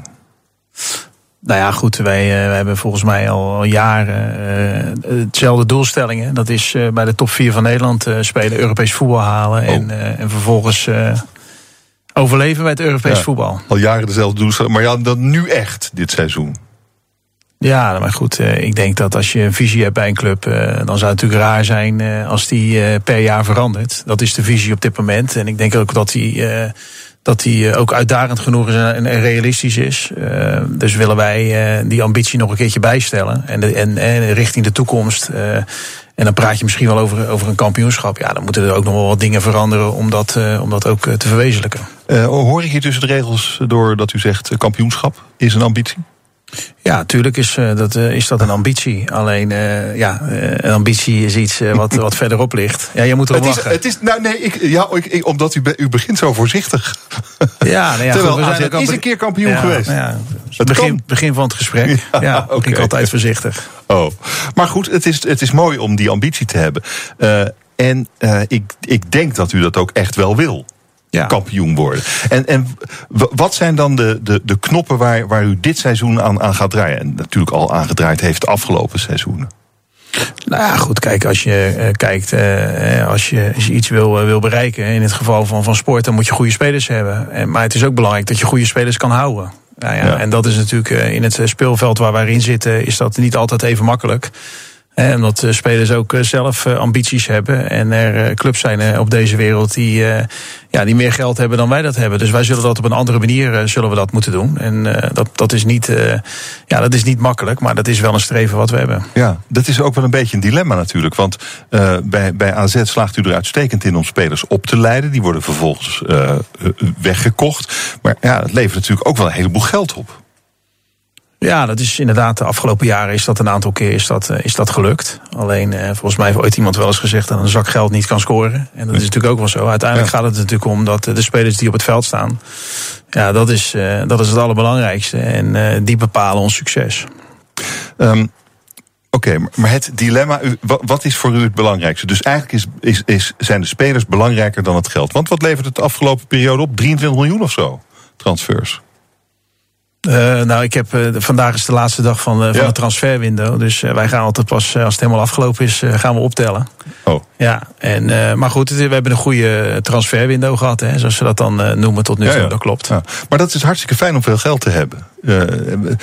volgens mij hebben jullie daar de afgelopen jaren hartstikke mooie dingen mee gedaan. Het stadion is eigendom, er zijn nog een paar andere dingen gebeurd, toch? Dus dat geld is ideaal.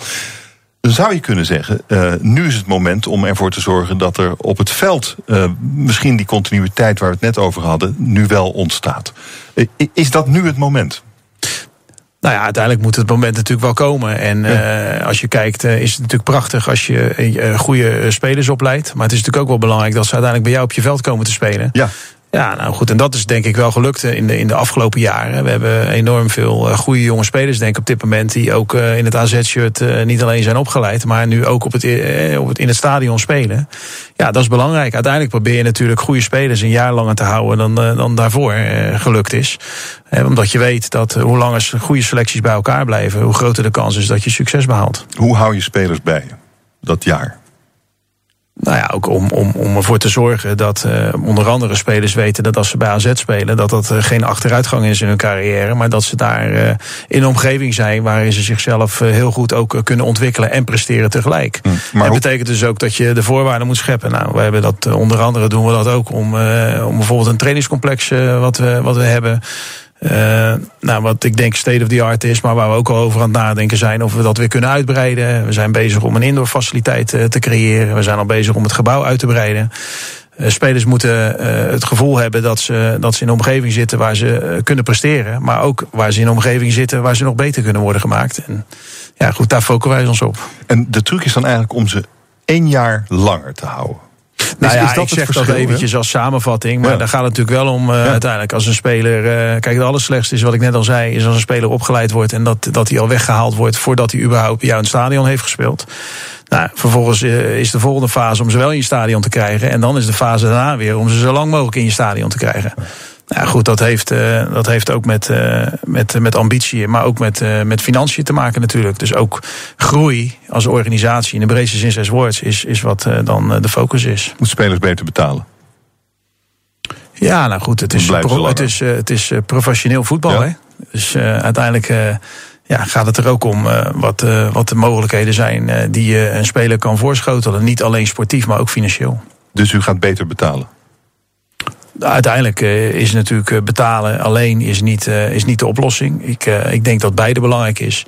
En een club maar gaat zijn dan waar... beter betalen? Ja, maar goed, beter betalen. Ja, uiteindelijk zal het daar ook over gaan, ja. Uiteindelijk? Ja, uiteindelijk. Ja. Maar op welk, nou, groei, op welk moment? Nou ja, kijk, jij hebt het net over transfers. Maar transfers zijn incidentele inkomsten. Dat zijn geen structurele inkomsten. Ik denk als je uh, zeg maar in de kosten echt wil stijgen als organisatie zijn... dan moet je zorgen dat je structurele inkomsten omhoog gaan... en niet je incidentele alleen maar. Uh, Oké, okay. dat, is, dat is op zich logisch. Um, uh, en om spelers beter te kunnen betalen... moet je dat dus ook voor elkaar krijgen. Hoe gaat u dat voor elkaar krijgen dan? Nou ja, om, ja, goed, er zijn natuurlijk allerlei manieren om, uh, om daar naar te kijken. Dat is, uh, je kan je stadion kan je, kan je uitbreiden, is een, is een mogelijkheid. Uh, je kan commercieel meer inkomsten genereren, maar je kan ook nadenken of dat vreemd vermogen in de toekomst een oplossing zou kunnen zijn. Ah. Dat is, dat is ook iets wat je, wat je kan onderzoeken. Interessant. Hoe ziet dat eruit in, in uw ogen? Nou ja, dat vreemd vermogen is niet zo, uh, is niet zo ingewikkeld. Dat betekent ja, dat partijen van buiten. Ja, is, maar, okay, nee. maar wie dan? Nee, ja, goed. Nou, dat zal in ieder geval iemand, ja. Nou ja, dat zal in ieder geval uh, een partij uh, zou dat in ons geval moeten zijn. die weet dat, dat aan de voetbalknoppen altijd nog door de mensen zelf wordt gedraaid. die er nu ook zitten. Ja, en dat het een partij is die ook past binnen de cultuur van, van AZ. dus het is makkelijker gezegd dan, dan gedaan. Ik denk alleen dat je je ogen er niet voor moet sluiten. Hm. Van wie is AZ nu eigenlijk? Dat is een stichting.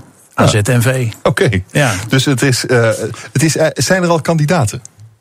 Nou, ik denk dat iedere voetbalclub in Nederland uh, wel benaderd is in de afgelopen jaren door partijen. En dat, het is op ons precies hetzelfde. Alleen het zijn nog geen partijen geweest die interessant genoeg zijn om daadwerkelijk ook serieus aan tafel mee te gaan zitten. Wat zijn uw maatstaven? Wat zijn uw eisen? Nou, wat ik net al zei, ik denk dat het belangrijk is dat. Kijk, AZ is een voetbalclub. Ja. die wil presteren. Nou, dus de partij die eventueel in de toekomst interessant is, die moet dat heel goed begrijpen. Dat AZ geen doorgeefhuis is of, of wat dan ook. Uh, maar nogmaals, het moet ook uh, een partij zijn uh, die, die past binnen de cultuur van, van, van AZ. Ja, um, oké. Okay. en, en er moet genoeg geld zijn. Wat, wat, zou, wat, zou zo, wat zou een club als AZ ongeveer kosten? Oh, dat weet ik niet. Dat weet ik niet. Dat, dat kan ik nu niet. dat kan ik niet. Er zijn verschillende parameters, denk ik, die ja. belangrijk zijn om te bepalen wat de waarde van een club is. U bent hier wel serieus mee bezig, denk ik. Nee, ja, goed. Ik, wat ik zeg, wij, wij, wij sluiten onze ogen voor niks. Maar ik denk nee. dat dat ook pas bij, bij AZ. Dat was ook voor mijn tijd. Ik heb altijd gezegd dat AZ een club is die ook uit het raam kijkt. Uh, dat is niks nieuws. Dus het zou eigenlijk vreemd zijn als AZ zijn ogen zou sluiten voor, voor, voor wat dan ook. Ja, maar u zegt toch niet per ongeluk dit? Nou ja, goed, jij vroeg aan mij ja, net uh, hoe je kan groeien ja, ja, ja. Uh, vermogen in, in, is dan een, in je financiën. Dus uh, daar heb ik antwoord op gegeven. Ja, ja. Ah, Chinezen zitten, ze zijn wel goed aan het rondkijken, geloof ik, in de voetballerij, ook in Nederland. Uh, ja, nou goed, er zijn natuurlijk een aantal Azië en, en Amerika zijn denk ik de grootste sportmarkten in de wereld. Uh, dus die zullen ongetwijfeld ook uh, in de grootste sport van de wereld aan het rondkijken zijn, ja. Maar die, die, die spreek je dan toch? Nee, ik heb, uh, ik heb eerlijk oh. gezegd nog niet uh, echt uh, met, met een Chinese partij aan, aan tafel gezeten, als je dat bedoelt. Wel met anderen. Ja, nou goed. Kijk, normaal zo. Ik denk dat dat voor iedereen geldt dat die wel eens benaderd worden. En, en als daar ooit een keer een serieuze partij tussen zit, dan, dan kom je uiteindelijk kom je tegenover elkaar te zitten. Robert Eenhoorn is mijn gast. Hij is de baas van AZ, maar hij was top-honkballer in een eerder leven. Wat neemt hij daar? BNR Nieuwsradio. Hemmen. Mijn gast is Robert Eenhoorn. Hij is directeur van voetbalclub AZ uh, sinds 2014. Maar uh, uh, u komt vanuit het honkbal. Hij heeft jarenlang in de Verenigde, Verenigde Staten gespeeld. Op het hoog, hoogste niveau. Was een hele goede honkballer. Ja. Wat is leuker? Het honkbal of het voetbal? Nou, ik vind de sporten vind ik allebei, uh, zou ik haast willen zeggen, even leuk. Maar het leukste in sport is het zelf doen. Dus, en dat heb ik alleen natuurlijk in het honkbal gedaan. Dus als, je, als, als dat de vraag is, dan vind ik honkbal leuker dan voetbal. Alleen ik zit nu in een, ja, nog steeds in de sport, dit, nu als, als bestuurder. En dan moet ik zeggen dat, dat voetbal wel erg, erg leuk is om daarin actief te zijn. Het is, uh, als je een jaar, u heeft een jaar of tien in de Verenigde Staten ja, uh, gewoond en gewerkt in het, uh, in het honkbal. Um, daar heeft u natuurlijk dingen van meegenomen. We hadden het net over hoe je jonge spelers aan, aan je club kunt binden. En hoe moeilijk dat is in de Nederlandse markt. we hadden het over vreemd vermogen in, in een voetbalclub. Dat zijn ook wel typisch Amerikaanse concepten. Waar ze daar eigenlijk misschien betere oplossingen voor hebben dan wij hier. Laten we eens beginnen met die jongere spelers aan je binden als club. Hoe doen ze dat in de Verenigde Staten? Nou ja, goed, kijk, uh, in, in mijn geval heb ik in een league uh, gespeeld. Major League, uh, Major League Baseball is natuurlijk een, een league. En daar zorgen ze gewoon heel goed voor competitive balance. Dus daar, daar is een regelgeving dusdanig ingericht dat clubs die spelers contracteren ook de mogelijkheid hebben om ze een behoorlijke tijd bij zich te houden voordat ze zeg maar free agent worden. Uh, dat is in het voetbal is dat, uh, is dat anders. We werken daar met rosters. Hè, dus je kan maar een x aantal uh, spelers kan je in je organisatie hebben. Nou, dat is in het voetbal ook niet. Als Manchester City besluit morgen om 400 contractspelers te hebben, dan nemen ze de 400. Ja, in het voetbal of in het honkbal, daar is dat wat, wat lastiger. Men heeft een draftsysteem. Hè, dus dat het slechtste, de slechtste club van het jaar ervoor mag als eerste een speler kiezen in de draft. Ja, dan oh, heb je dus in ieder geval de mogelijkheid om de beste speler in die lichting te kiezen. En zo zorgen ze er in ieder geval voor ja, dat een competitie interessant blijft. En uiteindelijk komen ook daar als spelers, echt goede spelers, free agent worden, komen ze natuurlijk bij de rijkste clubs uh, komen ze terecht. Of zo komen ze of in New York of in Boston of in Los Angeles. Uh, maar daar wordt wat meer vanuit de league gedacht. Uh, maar is Major League Baseball is natuurlijk de beste league en de enige goede league in het honkbal. Misschien Japan nog.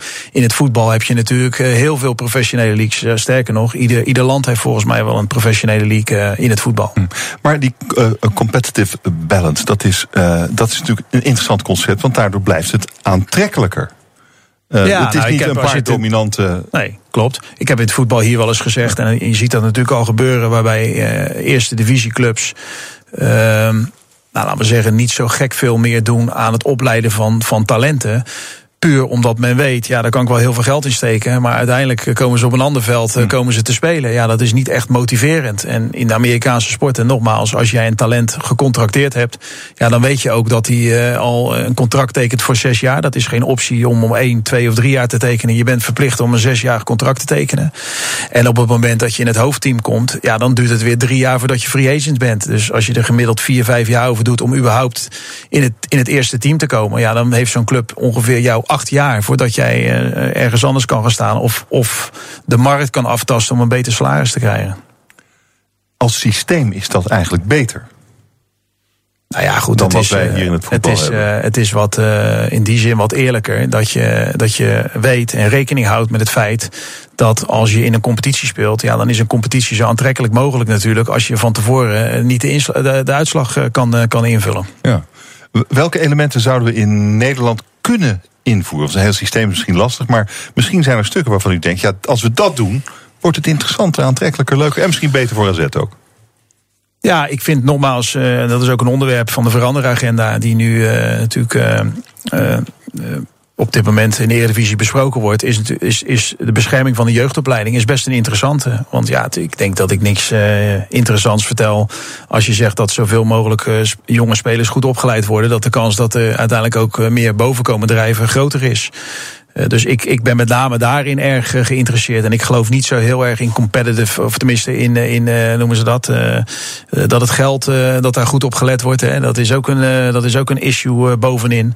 Want ja, we hebben afgelopen jaar hebben we bijvoorbeeld gezien dat Neymar zijn eigen contract af kan kopen voor 220 miljoen om dat te omzeilen. Dus ik geloof veel meer in, in ervoor zorgen dat, dat organisaties heel gemotiveerd zijn om jonge talenten op te leiden. Omdat het uiteindelijk ook tot iets uh, leidt. En ik geloof ook in, in bijvoorbeeld uh, dat je rosters maar tot een bepaalde hoogte in kan vullen. En dat je ook bijvoorbeeld een beperking hebt op het verhuren van spelers. Want anders dan worden wij uiteindelijk allemaal, en zeker ook in Nederland, dependances van, van de grote spelers in, in Europa. Nou goed, en dan kunnen we de clubs natuurlijk wel opnoemen welke dat dan zijn. Ja, dus, er moet, dus de, de crux zit hem in het opleiden en behouden van jonge spelers. Nou, nee, ik zeg de crux zit hem in regelgeving en niet zozeer in, in, in, financial fair play, of zoals ze dat dan uh, noemen. Nee, maar toch wel de, de regels, maar dan gericht op het behouden van jonge spelers, toch? Het opleiden en behouden. Dat, dat is het ja, je, je, en ik denk ook dat het voor Nederland belangrijk is, omdat dat met name, denk ik, nog steeds iets is wat wij goed kunnen. Um, en uh, hoe gaat dat er dan, dan straks uit? Als u nou daarover droomt, wat ziet u dan? Wat is dan het uh, systeem wat u zou willen hebben? Nou, ik denk niet zozeer in systemen. Ik denk meer dat als het doel is dat we zoveel mogelijk jonge spelers goed willen opleiden, dan moet je er denk ik regelgeving onder, uh, onder zetten die ertoe uh, leidt dat ook zoveel mogelijk clubs dat heel graag willen. En hoe dat er dan precies komt uh, uit te zien, dat is, dat is niet zo heel erg ingewikkeld. Want als je iets wil bereiken, dan kan je uiteindelijk ook wel die regelgeving eronder toepassen. Maar in Nederland is het meestal eerste regels, toch? Ja, goed. Ja, ja, ja maar, nee. maar, je, je, hebt, je hebt daar toch regels voor nodig. Uh, u legde net uit, die, die, die, die zes jaar die een, een, een speler dan bij een club blijft, hè, een jonge speler, dat, dat is een regel. Ja. Dat hij daarna drie jaar uh, moet presteren voordat hij free agent is, dat is een regel. Als je die regels niet hebt, dan gebeurt dat waarschijnlijk niet. Nee, maar, maar nogmaals, daarvoor zit natuurlijk het feit dat men competitive balance wil hebben. Ja. En als je dat wil, als dat het onderwerp is, dan komt daarna de regelgeving. En niet andersom. Je gaat toch niet regels uh, maken terwijl je niet weet uh, welk doel je uiteindelijk wil bereiken. Ja. En uh, heeft, het, heeft het Nederlands voetbal dat doel goed voor ogen? Nou, ik denk dat dat wel beter kan, maar dat is ook een onderwerp. Hè. Normaal ja. binnen, de, binnen de eredivisie op dit moment. Uh, dus uh, het is niet iets wat, wat niet onderkend wordt. Het is alleen nu uh, nog even van, ja, wat, waartoe leidt het dan uiteindelijk? Nou, wat denkt u? Nou ja, ik hoop nogmaals dat, het, dat de regelgeving die er zal komen ertoe leidt dat, dat heel veel clubs gemotiveerd zijn om, om jonge spelers op te leiden. Ja, maar, maar dat is dan toch regelgeving?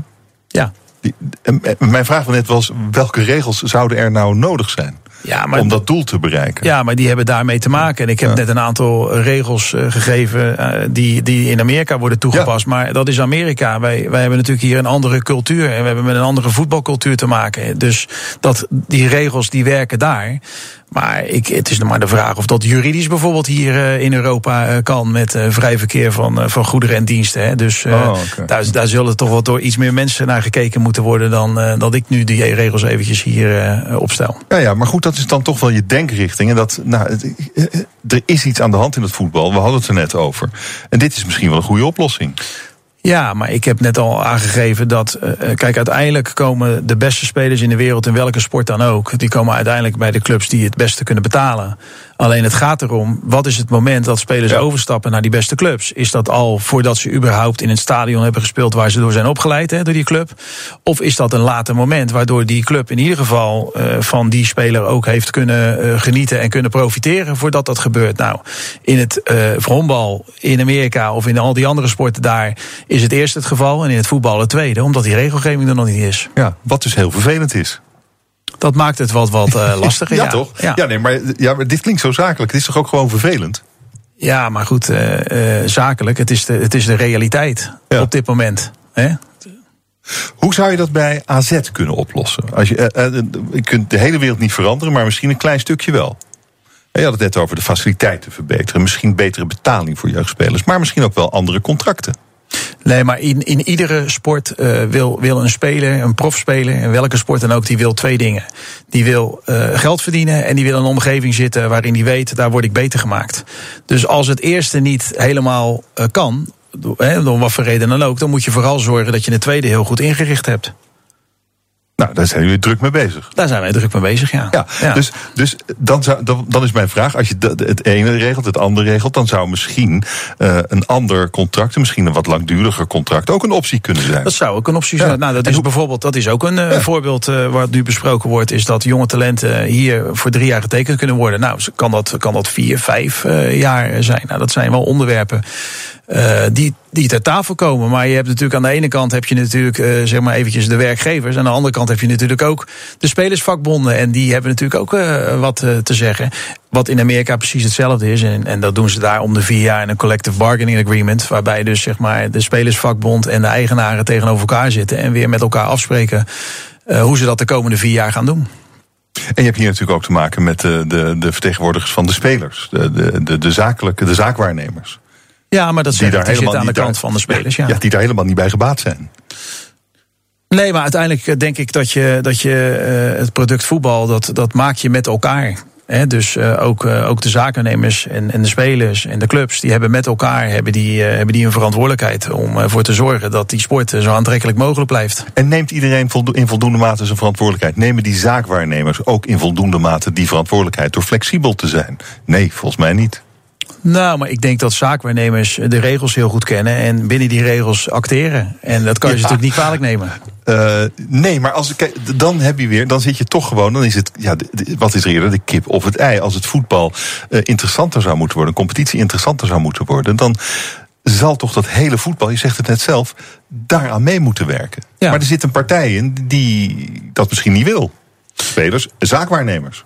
Ja, maar met alles geldt natuurlijk dat je elkaar moet eh, overtuigen eh, wat het beste is eh, voor het voetbal. En, en, en dan denk ik dat je, dat je altijd wel kan bewegen. Ik zeg al net, dat gebeurt, dat gebeurt overal. Alleen je zal elkaar wel moeten kunnen overtuigen. Je bent eh, Rotterdammer. En Ja. genetisch Feyenoord supporter, denk ik bijna. En, en AZ-directeur. Wanneer conflicteert dat met elkaar? Nou, niet. Nee, niet. Omdat ik, eh, eh, maar ook dat heb ik al vaker gezegd, eh, ik bestuurder ben in de sport. En je er alles aan doet om zo succesvol mogelijk te zijn in, met, die, met die club. En dat is voor mij het allerbelangrijkste. En dat ik inderdaad, zoals je zegt, ben geboren in Rotterdam. En dat daar een aantal voetbalclubs zijn. En dat ik voetbal leuk vond. En dus, dus een club heb gekozen omdat die, om die te supporten. Ja, dat is volgens mij niet zo vreemd. Maar dat zijn voor mij wel twee gescheiden werelden. Oh ja. En je kan, dat kan je ook niet loslaten, Feyenoord. Ik kan prima loslaten. Nee, dat kan ik prima loslaten. Maar Ja. dat wil je niet. Nee, ik, eh, ik, ik, heb, ik bedoel, ik, ben, ik, ik wil winnen. dat is uh, waar het om draait in de, in de professionele sport. Dus uh, of dat nou uh, tegen, tegen Feyenoord is, of tegen Den Bosch, of tegen welke club dan ook. Dat staat voor mij bovenaan. En daar werken we met heel veel mensen heel hard aan om, om dat voor elkaar te krijgen. Ik wil winnen, zei Robert Eenhoorn. Hij was mijn gast, algemeen directeur van AZ. Hartelijk dank voor dit gesprek. Oké, okay. dank. 59 punten. BNR Nieuwsradio. Hemmen. Roelof Hemmen. De coalitie heeft het voor elkaar. De begroting voor volgend jaar is rond. Ik bespreek het in... De kantine. Met vandaag drie gasten. Frits Hoefnagel, VVD-prominent, communicatiespecialist... FD-journalist Hella Huuk en topzwemmer Maarten van der Weijden. Welkom, mooi jullie er zijn. Ik wil eerst, eerst Maarten met jou beginnen. Want ik was een van die uh, miljoenen mensen die naar jou zaten te kijken... toen je daar in dat water lag in Friesland... en die heldentocht volbracht. Fantastisch. Ja, nou, mooi is dat het, dat het twee weken later ook volbracht is natuurlijk. Terwijl je eigenlijk in de 163 uh, kilometer moest stoppen. Nee, voor mij was het volbracht. Uh, maar als je alles geeft, dan vergeven mensen je snel... dat je dat niet de finishlijn was. Uh, nou, ik kan me niet voorstellen dat iemand je dat ooit zal nadragen. Wat, hoe voel je je nu? Nee, ik voel me eigenlijk wel prima. Spierpijn was eigenlijk uh, in vier, vijf dagen wel weg. Ik heb nog wel wat... Ja, heb ik ook altijd. Wat, wat, wat, een, een, beetje, beetje schuurplekjes zoals je ziet van oh, mijn jeetje, ja, dat ziet er lelijk Die ik drie dagen aan heb gehad. Uh, maar weet je, het is allemaal zo warm. Ook bij mij thuis. Mensen die met die geld komen brengen. Kinderen die koekjes komen brengen. En appels en geld. En weet je, al die steun. Het voelt als een soort van, van, van, van deken van warmte. En ja, dat we, dat we zo goed als 4,5 miljoen euro. Wat 100% naar, naar, naar kankeronderzoek gaat. Ja, weet je, dat is natuurlijk waanzinnig. Wie had ja. dat gedacht? Is dat de laatste stand? 4,5 miljoen? Uh, ja, dus we hebben ongeveer 4,5 ja. miljoen. Ik, eerdaags uh, ga ik een specifiekere tussenstand nog geven. Maar doe even nu. Vind je dat goed? Hoor? Nee, even nu, man. Bijna, bijna. Doe bijna, bijna, nu al. 4,5 miljoen. nou ja, jongens, ja, hoe mooi is dit? Ja, ik weet niet. En, en nu, wat, ja, ga je, nu, nu is het klaar. Nu, jij, ja, nu is het klaar. Jij bent nu klaar. Nou, het is wel, als je alles geeft, dan is het ook wel even op, hè? uh, het is alleen, ja, weet je, dus, dus ik dacht vooraf, dacht ik inderdaad van, ja, weet je, ik geef alles en dan is het klaar. En dan is het ook gewoon klaar, klaar. Maar het was wel heel gaaf. Dus je gaat toch een soort van twijfelen. Maar in dit moment van twijfel moet je geen keuzes maken. Dus het is even klaar, klaar. Maar ja, het was wel heel gaaf. Ja, dus zoiets eigenlijk. Ja, ik hoor zeker een opening. Ik hoor zeker een opening. Uh, Nog een rondje de andere kant op. Ah, er is zoveel water, ja. maar zit je toch niet dwars, die 163? Nee, helemaal niet. Nee, nee het was ook gewoon goed. En ik, weet je, de, de, dat, dat, dat ik op medisch advies en ook mijn arts die in tranen moest zeggen van Maarten, hier stopt het ja, was ik wel heel blij mee. Weet je, ik ging ook allerlei dingen zien die er niet waren. Ik zag mezelf zwemmen. Ik zag op de kant allemaal mensen die ik vroeg... heel leuk dat je kwam kijken. En dat ze tegen me zeiden, maar wij, wij waren er helemaal niet. dus ik heb, ja, dus het was, het was wel tijd om te stoppen, ja, en, en, dat is ook allemaal weer in orde nu in je bovenkamer? Ja, ik, ja. volgens mij is dat weer iets beter allemaal. nou goed, laten we het dan hebben over eh, Den Haag. Gisteravond was er witte rook voor wat betreft de begroting voor volgend jaar. Dit is wat uh, Klaas Dijkhoff, de fractieleider van de VVD erover zei. Bent u eruit? Uh, ja, wij hoeven niet meer te vergaderen. Wat is de uitkomst? Ja, dat ziet u dan op Prinsjesdag. Okay. Maar is het goed nieuws? Uh, ja, ik ga meestal niet akkoord met dingen die ik slecht vind. Nee. ja, dit, uh, dit uh, Frits, dit is nou politiek uh, communicatie. Ja, maar het is ook vooral heel erg Klaas Dijkhoff. Klaas die, die, die gaat niet mee. En als hij als die vindt dat er een vraag stom is, dan laat hij dat ook weten. En het waren natuurlijk ook niet de meest intelligente vragen. Zo van ja, uh, wat, natuurlijk gaat de journalist vragen van uh, wat heeft u dan afgesproken? Maar ja. die weet ook van tevoren dat je daar geen antwoord op krijgt. Dat je dit antwoord krijgt, ja. Er is, uh, Kun je wel intelligent die vragen stellen over een stom plan? Ja. ja. Namelijk? Ja. Ja, die hele dividendbelasting. Dividendbelasting, want die is, uh, die is rond. Uh, het is wel goed dat, dat, nou eindelijk, uh, dat er eindelijk een besluit is. Ja? Of gewoon je het stom kunt vinden. Er is ja, wel een besluit. door de Eerste Kamer, geloof ik. Ja. Dus, uh, nee, je kan natuurlijk elke beslissing die de politiek neemt... kan je stom vinden of kan je heel erg uh, goed vinden. Het is ook, maar het is sowieso goed uh, dat de coalitie eruit is. Ik bedoel, het is alweer bijna Prinsjesdag. De, de, de, derde dinsdag van september. Dan moet het allemaal naar buiten. Dus die afspraken die ze dan nu hebben gemaakt... die gaan nu allemaal verwerkt worden dit is vorig jaar. eh, als je het hebt over de afschaffing van de dividendbelasting, dat is vorig jaar afgesproken eh, bij de eh, onderhandelingen. Met als doel zorgen dat grote bedrijven, dat multinationals in Nederland blijven. Het is buitengewoon slecht uitgelegd. Communicatief vind ik het echt blunder op blunder bijna. Maar gelukkig dat eh, dan deze week eh, de CEO van Unilever eindelijk eh, duidelijk heeft Als gemaakt enige. dat het wel degelijk. Ja, maar zo heel veel multinationals hebben Nee, we ook maar niet. het vind ik- maar nou, dat- we gelukkig wel heeft wat. die- we hebben maar gelukkig heeft die in ieder geval nu uitgelegd dat het wel in. degelijk van belang is en dat het voor hun ook een reden is om eh, zich in Rotterdam te vestigen en niet in Londen. Oké, Helle. Nou ja, het Financiële Dagblad eh, is heel feitelijk geweest. Heeft deze week eh, lopen bellen met, met, met Mhm. bijvoorbeeld BlackRock, een van de grootste beleggers van de wereld. Met, eh, met ASML, met Philips, met eh, heel veel andere AX-bedrijven. Want we hebben wat meer bedrijven in Nederland dan alleen Unilever. Om dat toch maar eventjes Mhm. ook te stellen. En die zeggen allemaal, nou. Voor ons hoeft het niet. Dus dat draagvlak is natuurlijk bijzonder die- smal. bedrijven en als die je dan zegt, ja, de 100% politiek neemt wel meer stomme beslissingen... dan is het natuurlijk wel heel opvallend dat dit in geen enkel politiek partijprogramma heeft gestaan. Dus de kiezer is er Dat van tevoren ook. niet. Dat is een hoeft niet per raar se. argument. Maar voor zo'n, voor, zo'n grote, voor, voor zo'n grote maatregel had het best gekund. Had gekund, maar dat hoeft helemaal En nu niet. blijkt dat er ook echt in de langs, maatschappij ook dat echt helemaal geen helemaal draagvlak voor is. Hmm. Dus dat eh, Kijk. heb je toch een democratisch deficit, zoals Jan Terlouw ook wel van D66 even- gevonden oh, God, zijn. krijgen we dat taartje weer uit de brievenbus? Ja, ik ga, ik ga hem even laten horen. Jan Terlouw. Dat is toch te gek, hè? Dit is geloof ik 17% van de Nederlanders heeft er begrip voor. 17%. Je weet dat een meerderheid van de Tweede Kamer er tegen is. Want dat zeggen ook Pechtold en, en eh, Segers, die zeggen dat gewoon. En dan gaat het toch gebeuren. Wat heeft dat nog met democratie te maken? Met de politieke macht berust bij de bevolking. Nou, Jan Terlouw moet gewoon lekker kinderboek schrijven en zich niet meer met de politiek. Nou, zo moet je niemand toch niet wegzetten. Jawel, dit is toch echt, dit is allemaal. Deze man zou veel beter moeten weten over hoe het gaat in de politiek. Hij heeft er zelf jarenlang in gezeten. Dus ik vind dit soort verwijten raar. Maar ik wil nog even terug naar Hella. Want Hella die zei van ja, er zijn ook Nederlandse bedrijven gebeld en die vinden het geen probleem. Dat is niet zo verwonderlijk. Philips is niet van plan om zijn hoofdkantoor te verplaatsen. Het gaat juist om die multinationals zoals Shell en Unilever, die niet alleen in Nederland zitten, maar bijvoorbeeld ook hun hoofdkantoor in Londen hadden kunnen eh, vestigen. Nee, en waarvan ook Nog- buitenlandse beleggers zeggen: van, ja, weet je, er is eigenlijk geen enkele multinational die alleen op basis van een fiscaliteit. Weet je, het klopt. gaat er natuurlijk om dat, dat je een hoogopgeleide beroepsbevolking hebt. Dat het eh, lekker wonen is. Dat, je, dat, je, dat de, de criminaliteit laag is. Dat het internet het goed doet. Ja. Weet je, daar kijk je naar als je gaat kijken of je je hoofdkantoor ergens En gaat natuurlijk de. Dat het En- fiscaal. En, en, ja. in andere landen heb je helemaal geen dividendbelasting. Hè?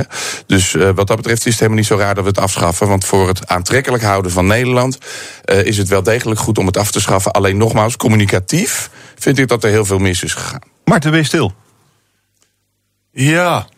Nou ja, kan, kan wel. Ja, weet je, maar ik, ik, ik, ik, ik, vind het wel, weet je, het aantrekkelijk houden van Nederland. En, en als vestigingsland goed op de lijst te blijven staan. Dat dat het wel logisch is. En wat dan precies de meerwaarde is, weet je, dat is lastig. Ik vond het ook wel prettig inderdaad dat, dat, Paul Polman dat, dat dan kracht bijzette. En, en zegt, ja, maar het is echt wel meer dan, dan enkel die banen voor ons. Hè? Dat het een impuls kan zijn voor de economie van al die bedrijven die eraan aan gelinkt zijn, et cetera, et cetera. Ehm, ja, dan, dan, dan is zo'n inschatting maken eh, eh, lastig. Maar dat die dan gemaakt wordt, is dan denk ik wel, wel heel goed. Er komt eh, waarschijnlijk een einde aan de zomertijd. In elk geval aan het verzetten van de klok in, in Europa. Fijn toch? Vinden jullie dat fijn? Ja, vind ik fijn. Ja, ik ook Ja. wel eigenlijk. Ik vind het heel erg verwarrend elke keer. Ook dat. Heb jij dat ook? Nou, ook, het is dat ook. Maar het is ook, weet je, je, je ritme verleggen is ook niet zo gezond.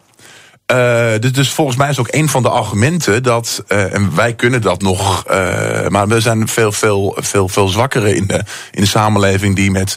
Eh, als, als je bijvoorbeeld reist en jetlags, eh, dat je dan je, je biologische klok moet verzetten, dat dat lastig is. En dat je dat dan afgeleid bent en dat het op gang komen moeilijk is.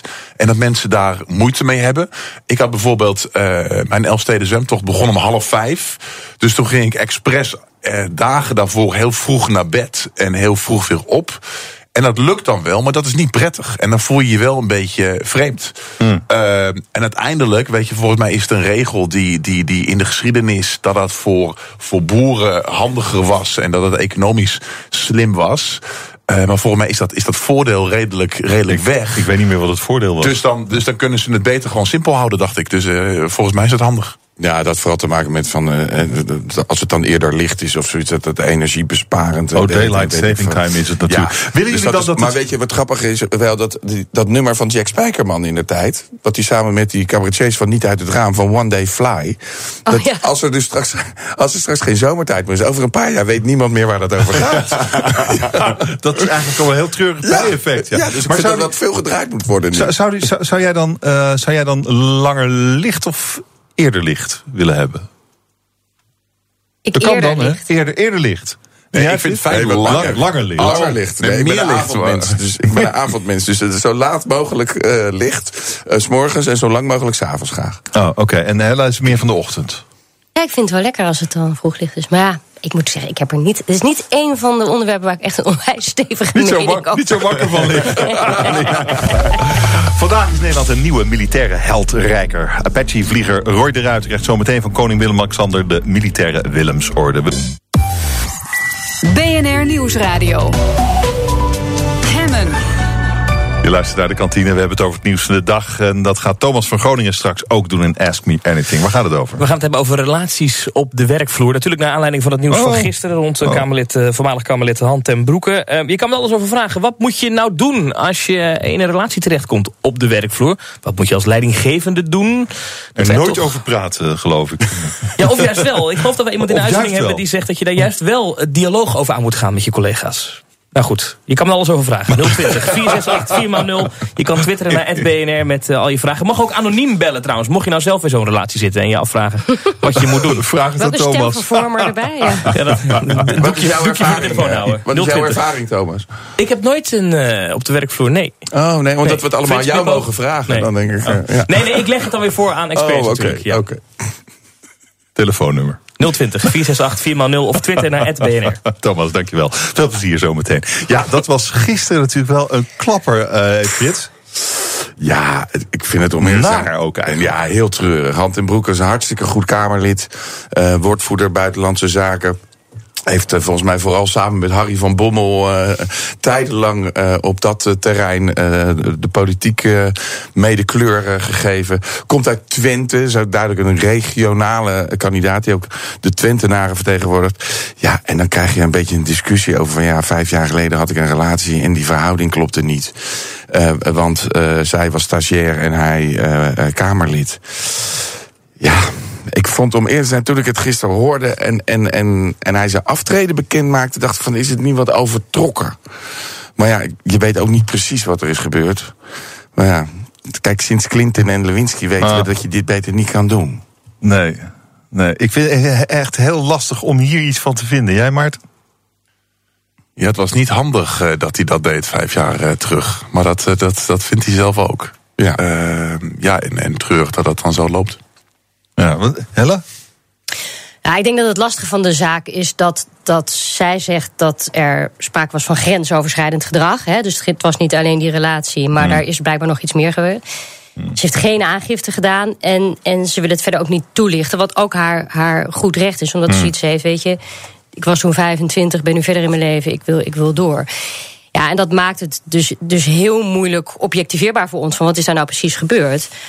Maar het is dus wel een reden geweest voor hand en broeken. Het blijft dus zo lang dooretteren dat het voor hem dus toch een reden is geweest om, om, om zijn functie neer te leggen. Ja, het is, het is, ik vind het aan alle kanten een, een heftige, eh, heftige zaak. En ze hadden afgesproken om, er, om het er nooit meer over te hebben. Eh, dus zij waren er eigenlijk alle twee wel klaar mee.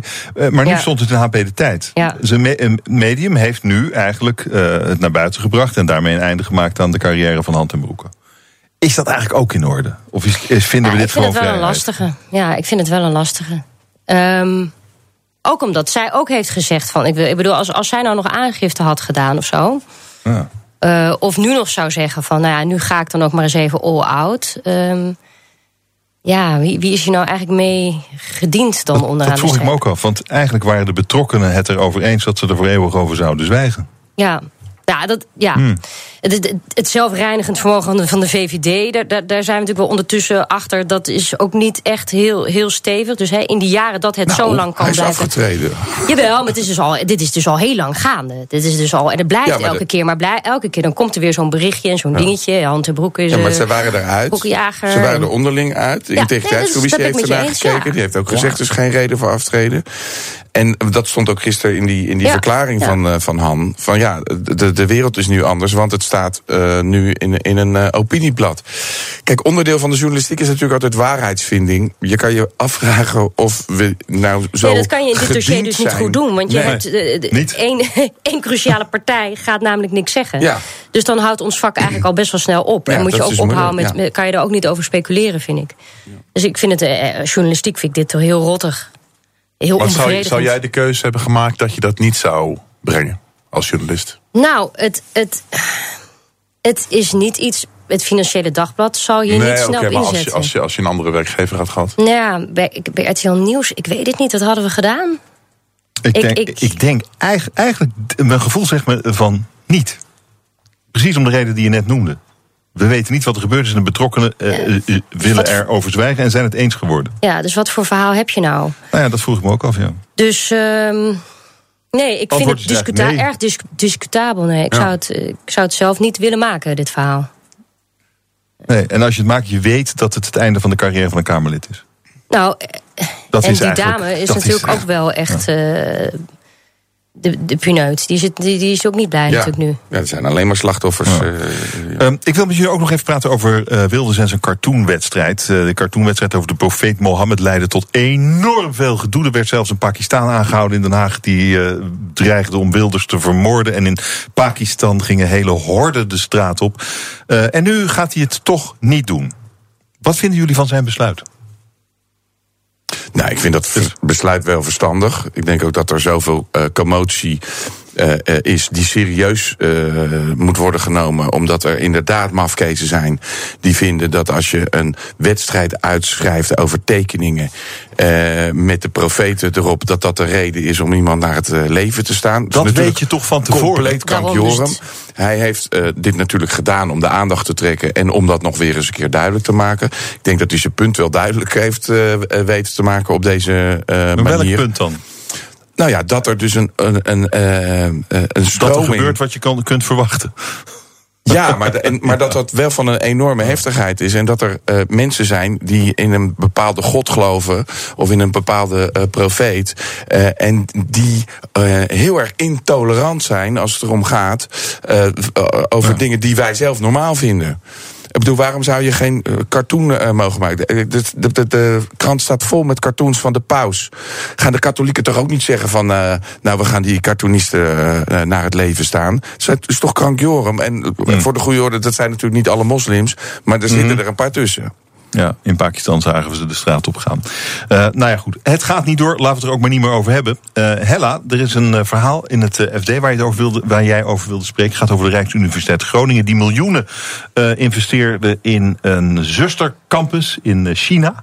Ja. En is blijkbaar mislukt.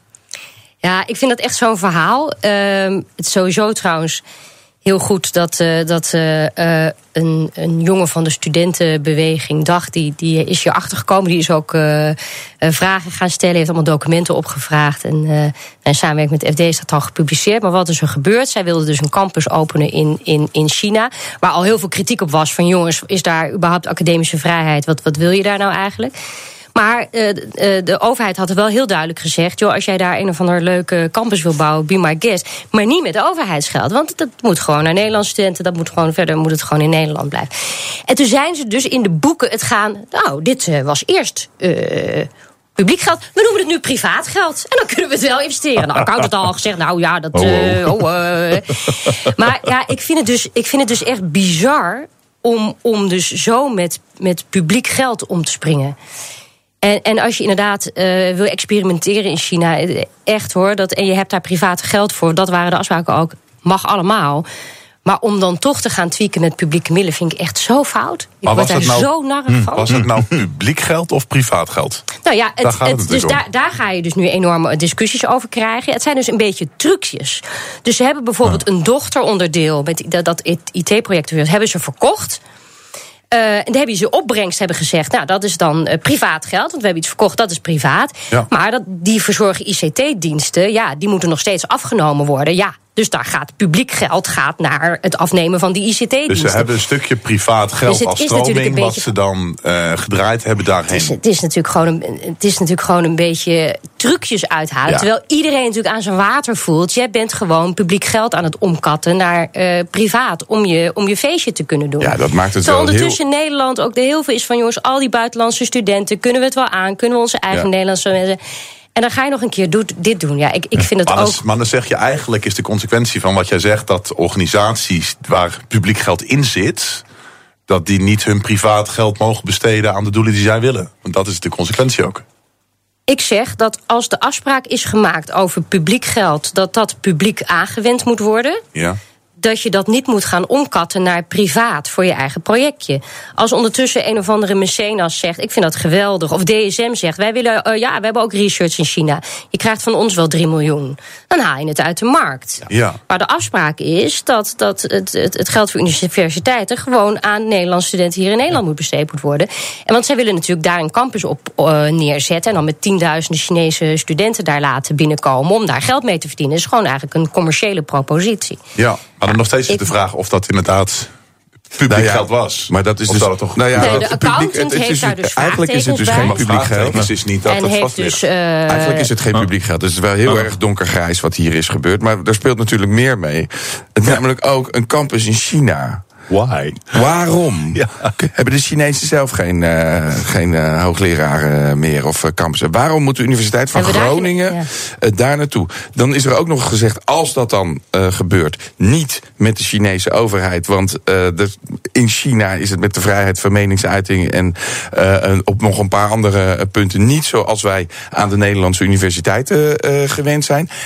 Dat gebeurt dan blijkbaar allemaal wel. En dan mislukt het ook nog. Hoe krijg je het voor elkaar? Maar was, hebben ze dat gedaan uit een soort van, van eh, hulp aan China? Dat ze dat graag wilden doen? Dat is Of toch helemaal krank, Joram? Waarom moeten Ja, wij hulp dat- aan China land heeft echt of zagen ze nodig. daar een soort van winstoogmerk? Laat dat Nee, ze dat dachten, we hebben privaat geld, we gaan dat daarin stoppen... en dan hebben we straks meer geld. Ja, nee, ze willen daar, ze wilden daar eh, inderdaad geld mee. Dus, dus Ja. Chinese studenten opleiden om daar geld mee, eh, mee te verdienen. Maar ja, dat is dus allemaal Ja. mislukt. Ja, Ja, Ja, maar het 2,8 zit, het zit wel een beetje het ondernemerschap dat je ook dingen kunt, Ja. kunt falen, toch? Ja, Ja, maar de er universiteit is bij. geen onderneming. Maar je kan niet dat is ondernemen maar met- al was een Ja. stukje- stukje Nee, privaat maar geld Maarten, dit is dus precies het punt. Een beetje de leuke ondernemer uithangen. Van- Met, met jouw Ja. belastinggeld. Dat is, le- dat is van lekker. Dat is het leukste dat- ondernemen wat er is. Dat willen we allemaal wel. Ja, maar als het dus van publiek geld kan, dan kan het niet. Maar als dat stukje als dat wel Als, echt als DSM dan had gezegd, het ik stort het op de rekening, prima. Dan Ja, heeft. DSM een Ja. bleeder. Ja, Ja, tuurlijk. precies. Dat is de vrije markt. Ja, nog steeds kan je afvragen of het een verstandig project was. Ja, dat sowieso. Ja. Ik denk dat we dat toch wel in het FD gaan lezen over hoe dat nou precies was. Nog even, eh, we hebben een nieuwe militaire held. Apache-vlieger Roy de Ruiter. Die krijgt zometeen van de koning de militaire Willemsorde. Dat is de hoogste onderscheiding die we hebben. Er zijn niet veel mensen die hem hebben. Ja, ik vind dat dan mooi. Wat vind jij, Mark? Ik vind het ook mooi. Ja, en, en, en volgens mij is die, die Willemsorde, die is natuurlijk heel weinig, dat heel weinig mensen die krijgen dat. Eh, afgelopen jaren natuurlijk drie keer. Ik vind het wel mooi dat we ja, mensen voor hun daden eren. En dat we daarbij stilstaan dat die mensen heel belangrijk werk doen. En dat het niet, niet vanzelfsprekend is. Ik vind het ook mooi, ja. Nou, het is jammer dat we nog niet weten wat hij precies eh, heeft eh, gedaan om dit eh, te bereiken. Hij was natuurlijk helikoptervlieger in, eh, in eh, Afghanistan. Net zoals de andere twee eh, militaire Wilmsorde ontvangers, dragers die we eh, inmiddels hebben. Het is, je kunt ook wel een beetje zeggen, ja, daar was natuurlijk een, een langdurige grote oorlog. De gelegenheid maakte de held natuurlijk ook. Hè? Ja, maar je moet het wel doen. Je moet het wel doen. Ja. Shit. Ja. En de- Ik had een oom, mijn oom Jan, Jan van, oom Jan van Dullum, die was co- commandant op de O-21, zo'n onderzeeboot. En die heeft tijdens de Tweede Wereldoorlog. En die had ook de militaire eh, Willemsorde. En, ja, en dat- maar het zijn heel weinig heel, heel heel. Maar dat was natuurlijk, toen was Nederland natuurlijk zelf in de oorlog. Hè. Wat had hij gedaan dan? Maar, jou, Eh, er was maar een- jouw oom is dat? Hij, hij- dat, is mijn, eh, eh, dat was mijn eh, oom. Hij is overleden inmiddels. En hij was commandant op een onderzeeboot. En eh, tegen een, eh, Japanse onderzeeboot heeft hij eh, ehm, ten eerste eh, gezorgd dat die onderzeeboot werd getorpedeerd. En daarna de bemanning van de Japanse onderzeeboot eh, aan boord genomen en, en gered. En dat was niet ongevaarlijk in die tijd natuurlijk. Dat is eigenlijk twee keer heel dapper. Ja. Ja, Ja, en daarom krijg je dan die superprijs. Ja. dat is een soort Olympische medaille. Maar dan, eh. Schitterende afronding. Eh, jongens, ik ga de kantine voor de allerlaatste keer dichtgooien. Fijn dat jullie er waren. Frits Hoefnagel, VVD-prominent, communicatiespecialist. FD-journalist, dank je. Eh, FD-journalist Hella Huuk en topzwermer Maarten van der Weijden. Dank jullie zeer. Dit was eh, de allerlaatste Hemme. Ik eh, doe er een grote strik omheen. Het was jarenlang een hartstikke leuk programma. Eh, en we drinken er straks een glaasje champagne op. Het was mooi. Maandag ben ik er weer met een nieuw programma. Op een nieuw tijdstip. In BNR's Big Five spreek ik een week lang, elke dag, met de hoofdrolspelers op een bepaald thema. Vanaf maandag om 10 uur de Big Five over nieuwe media. 10 uur hier op BNR. Nu Thomas van Groningen met Ask Me Anything. Fijn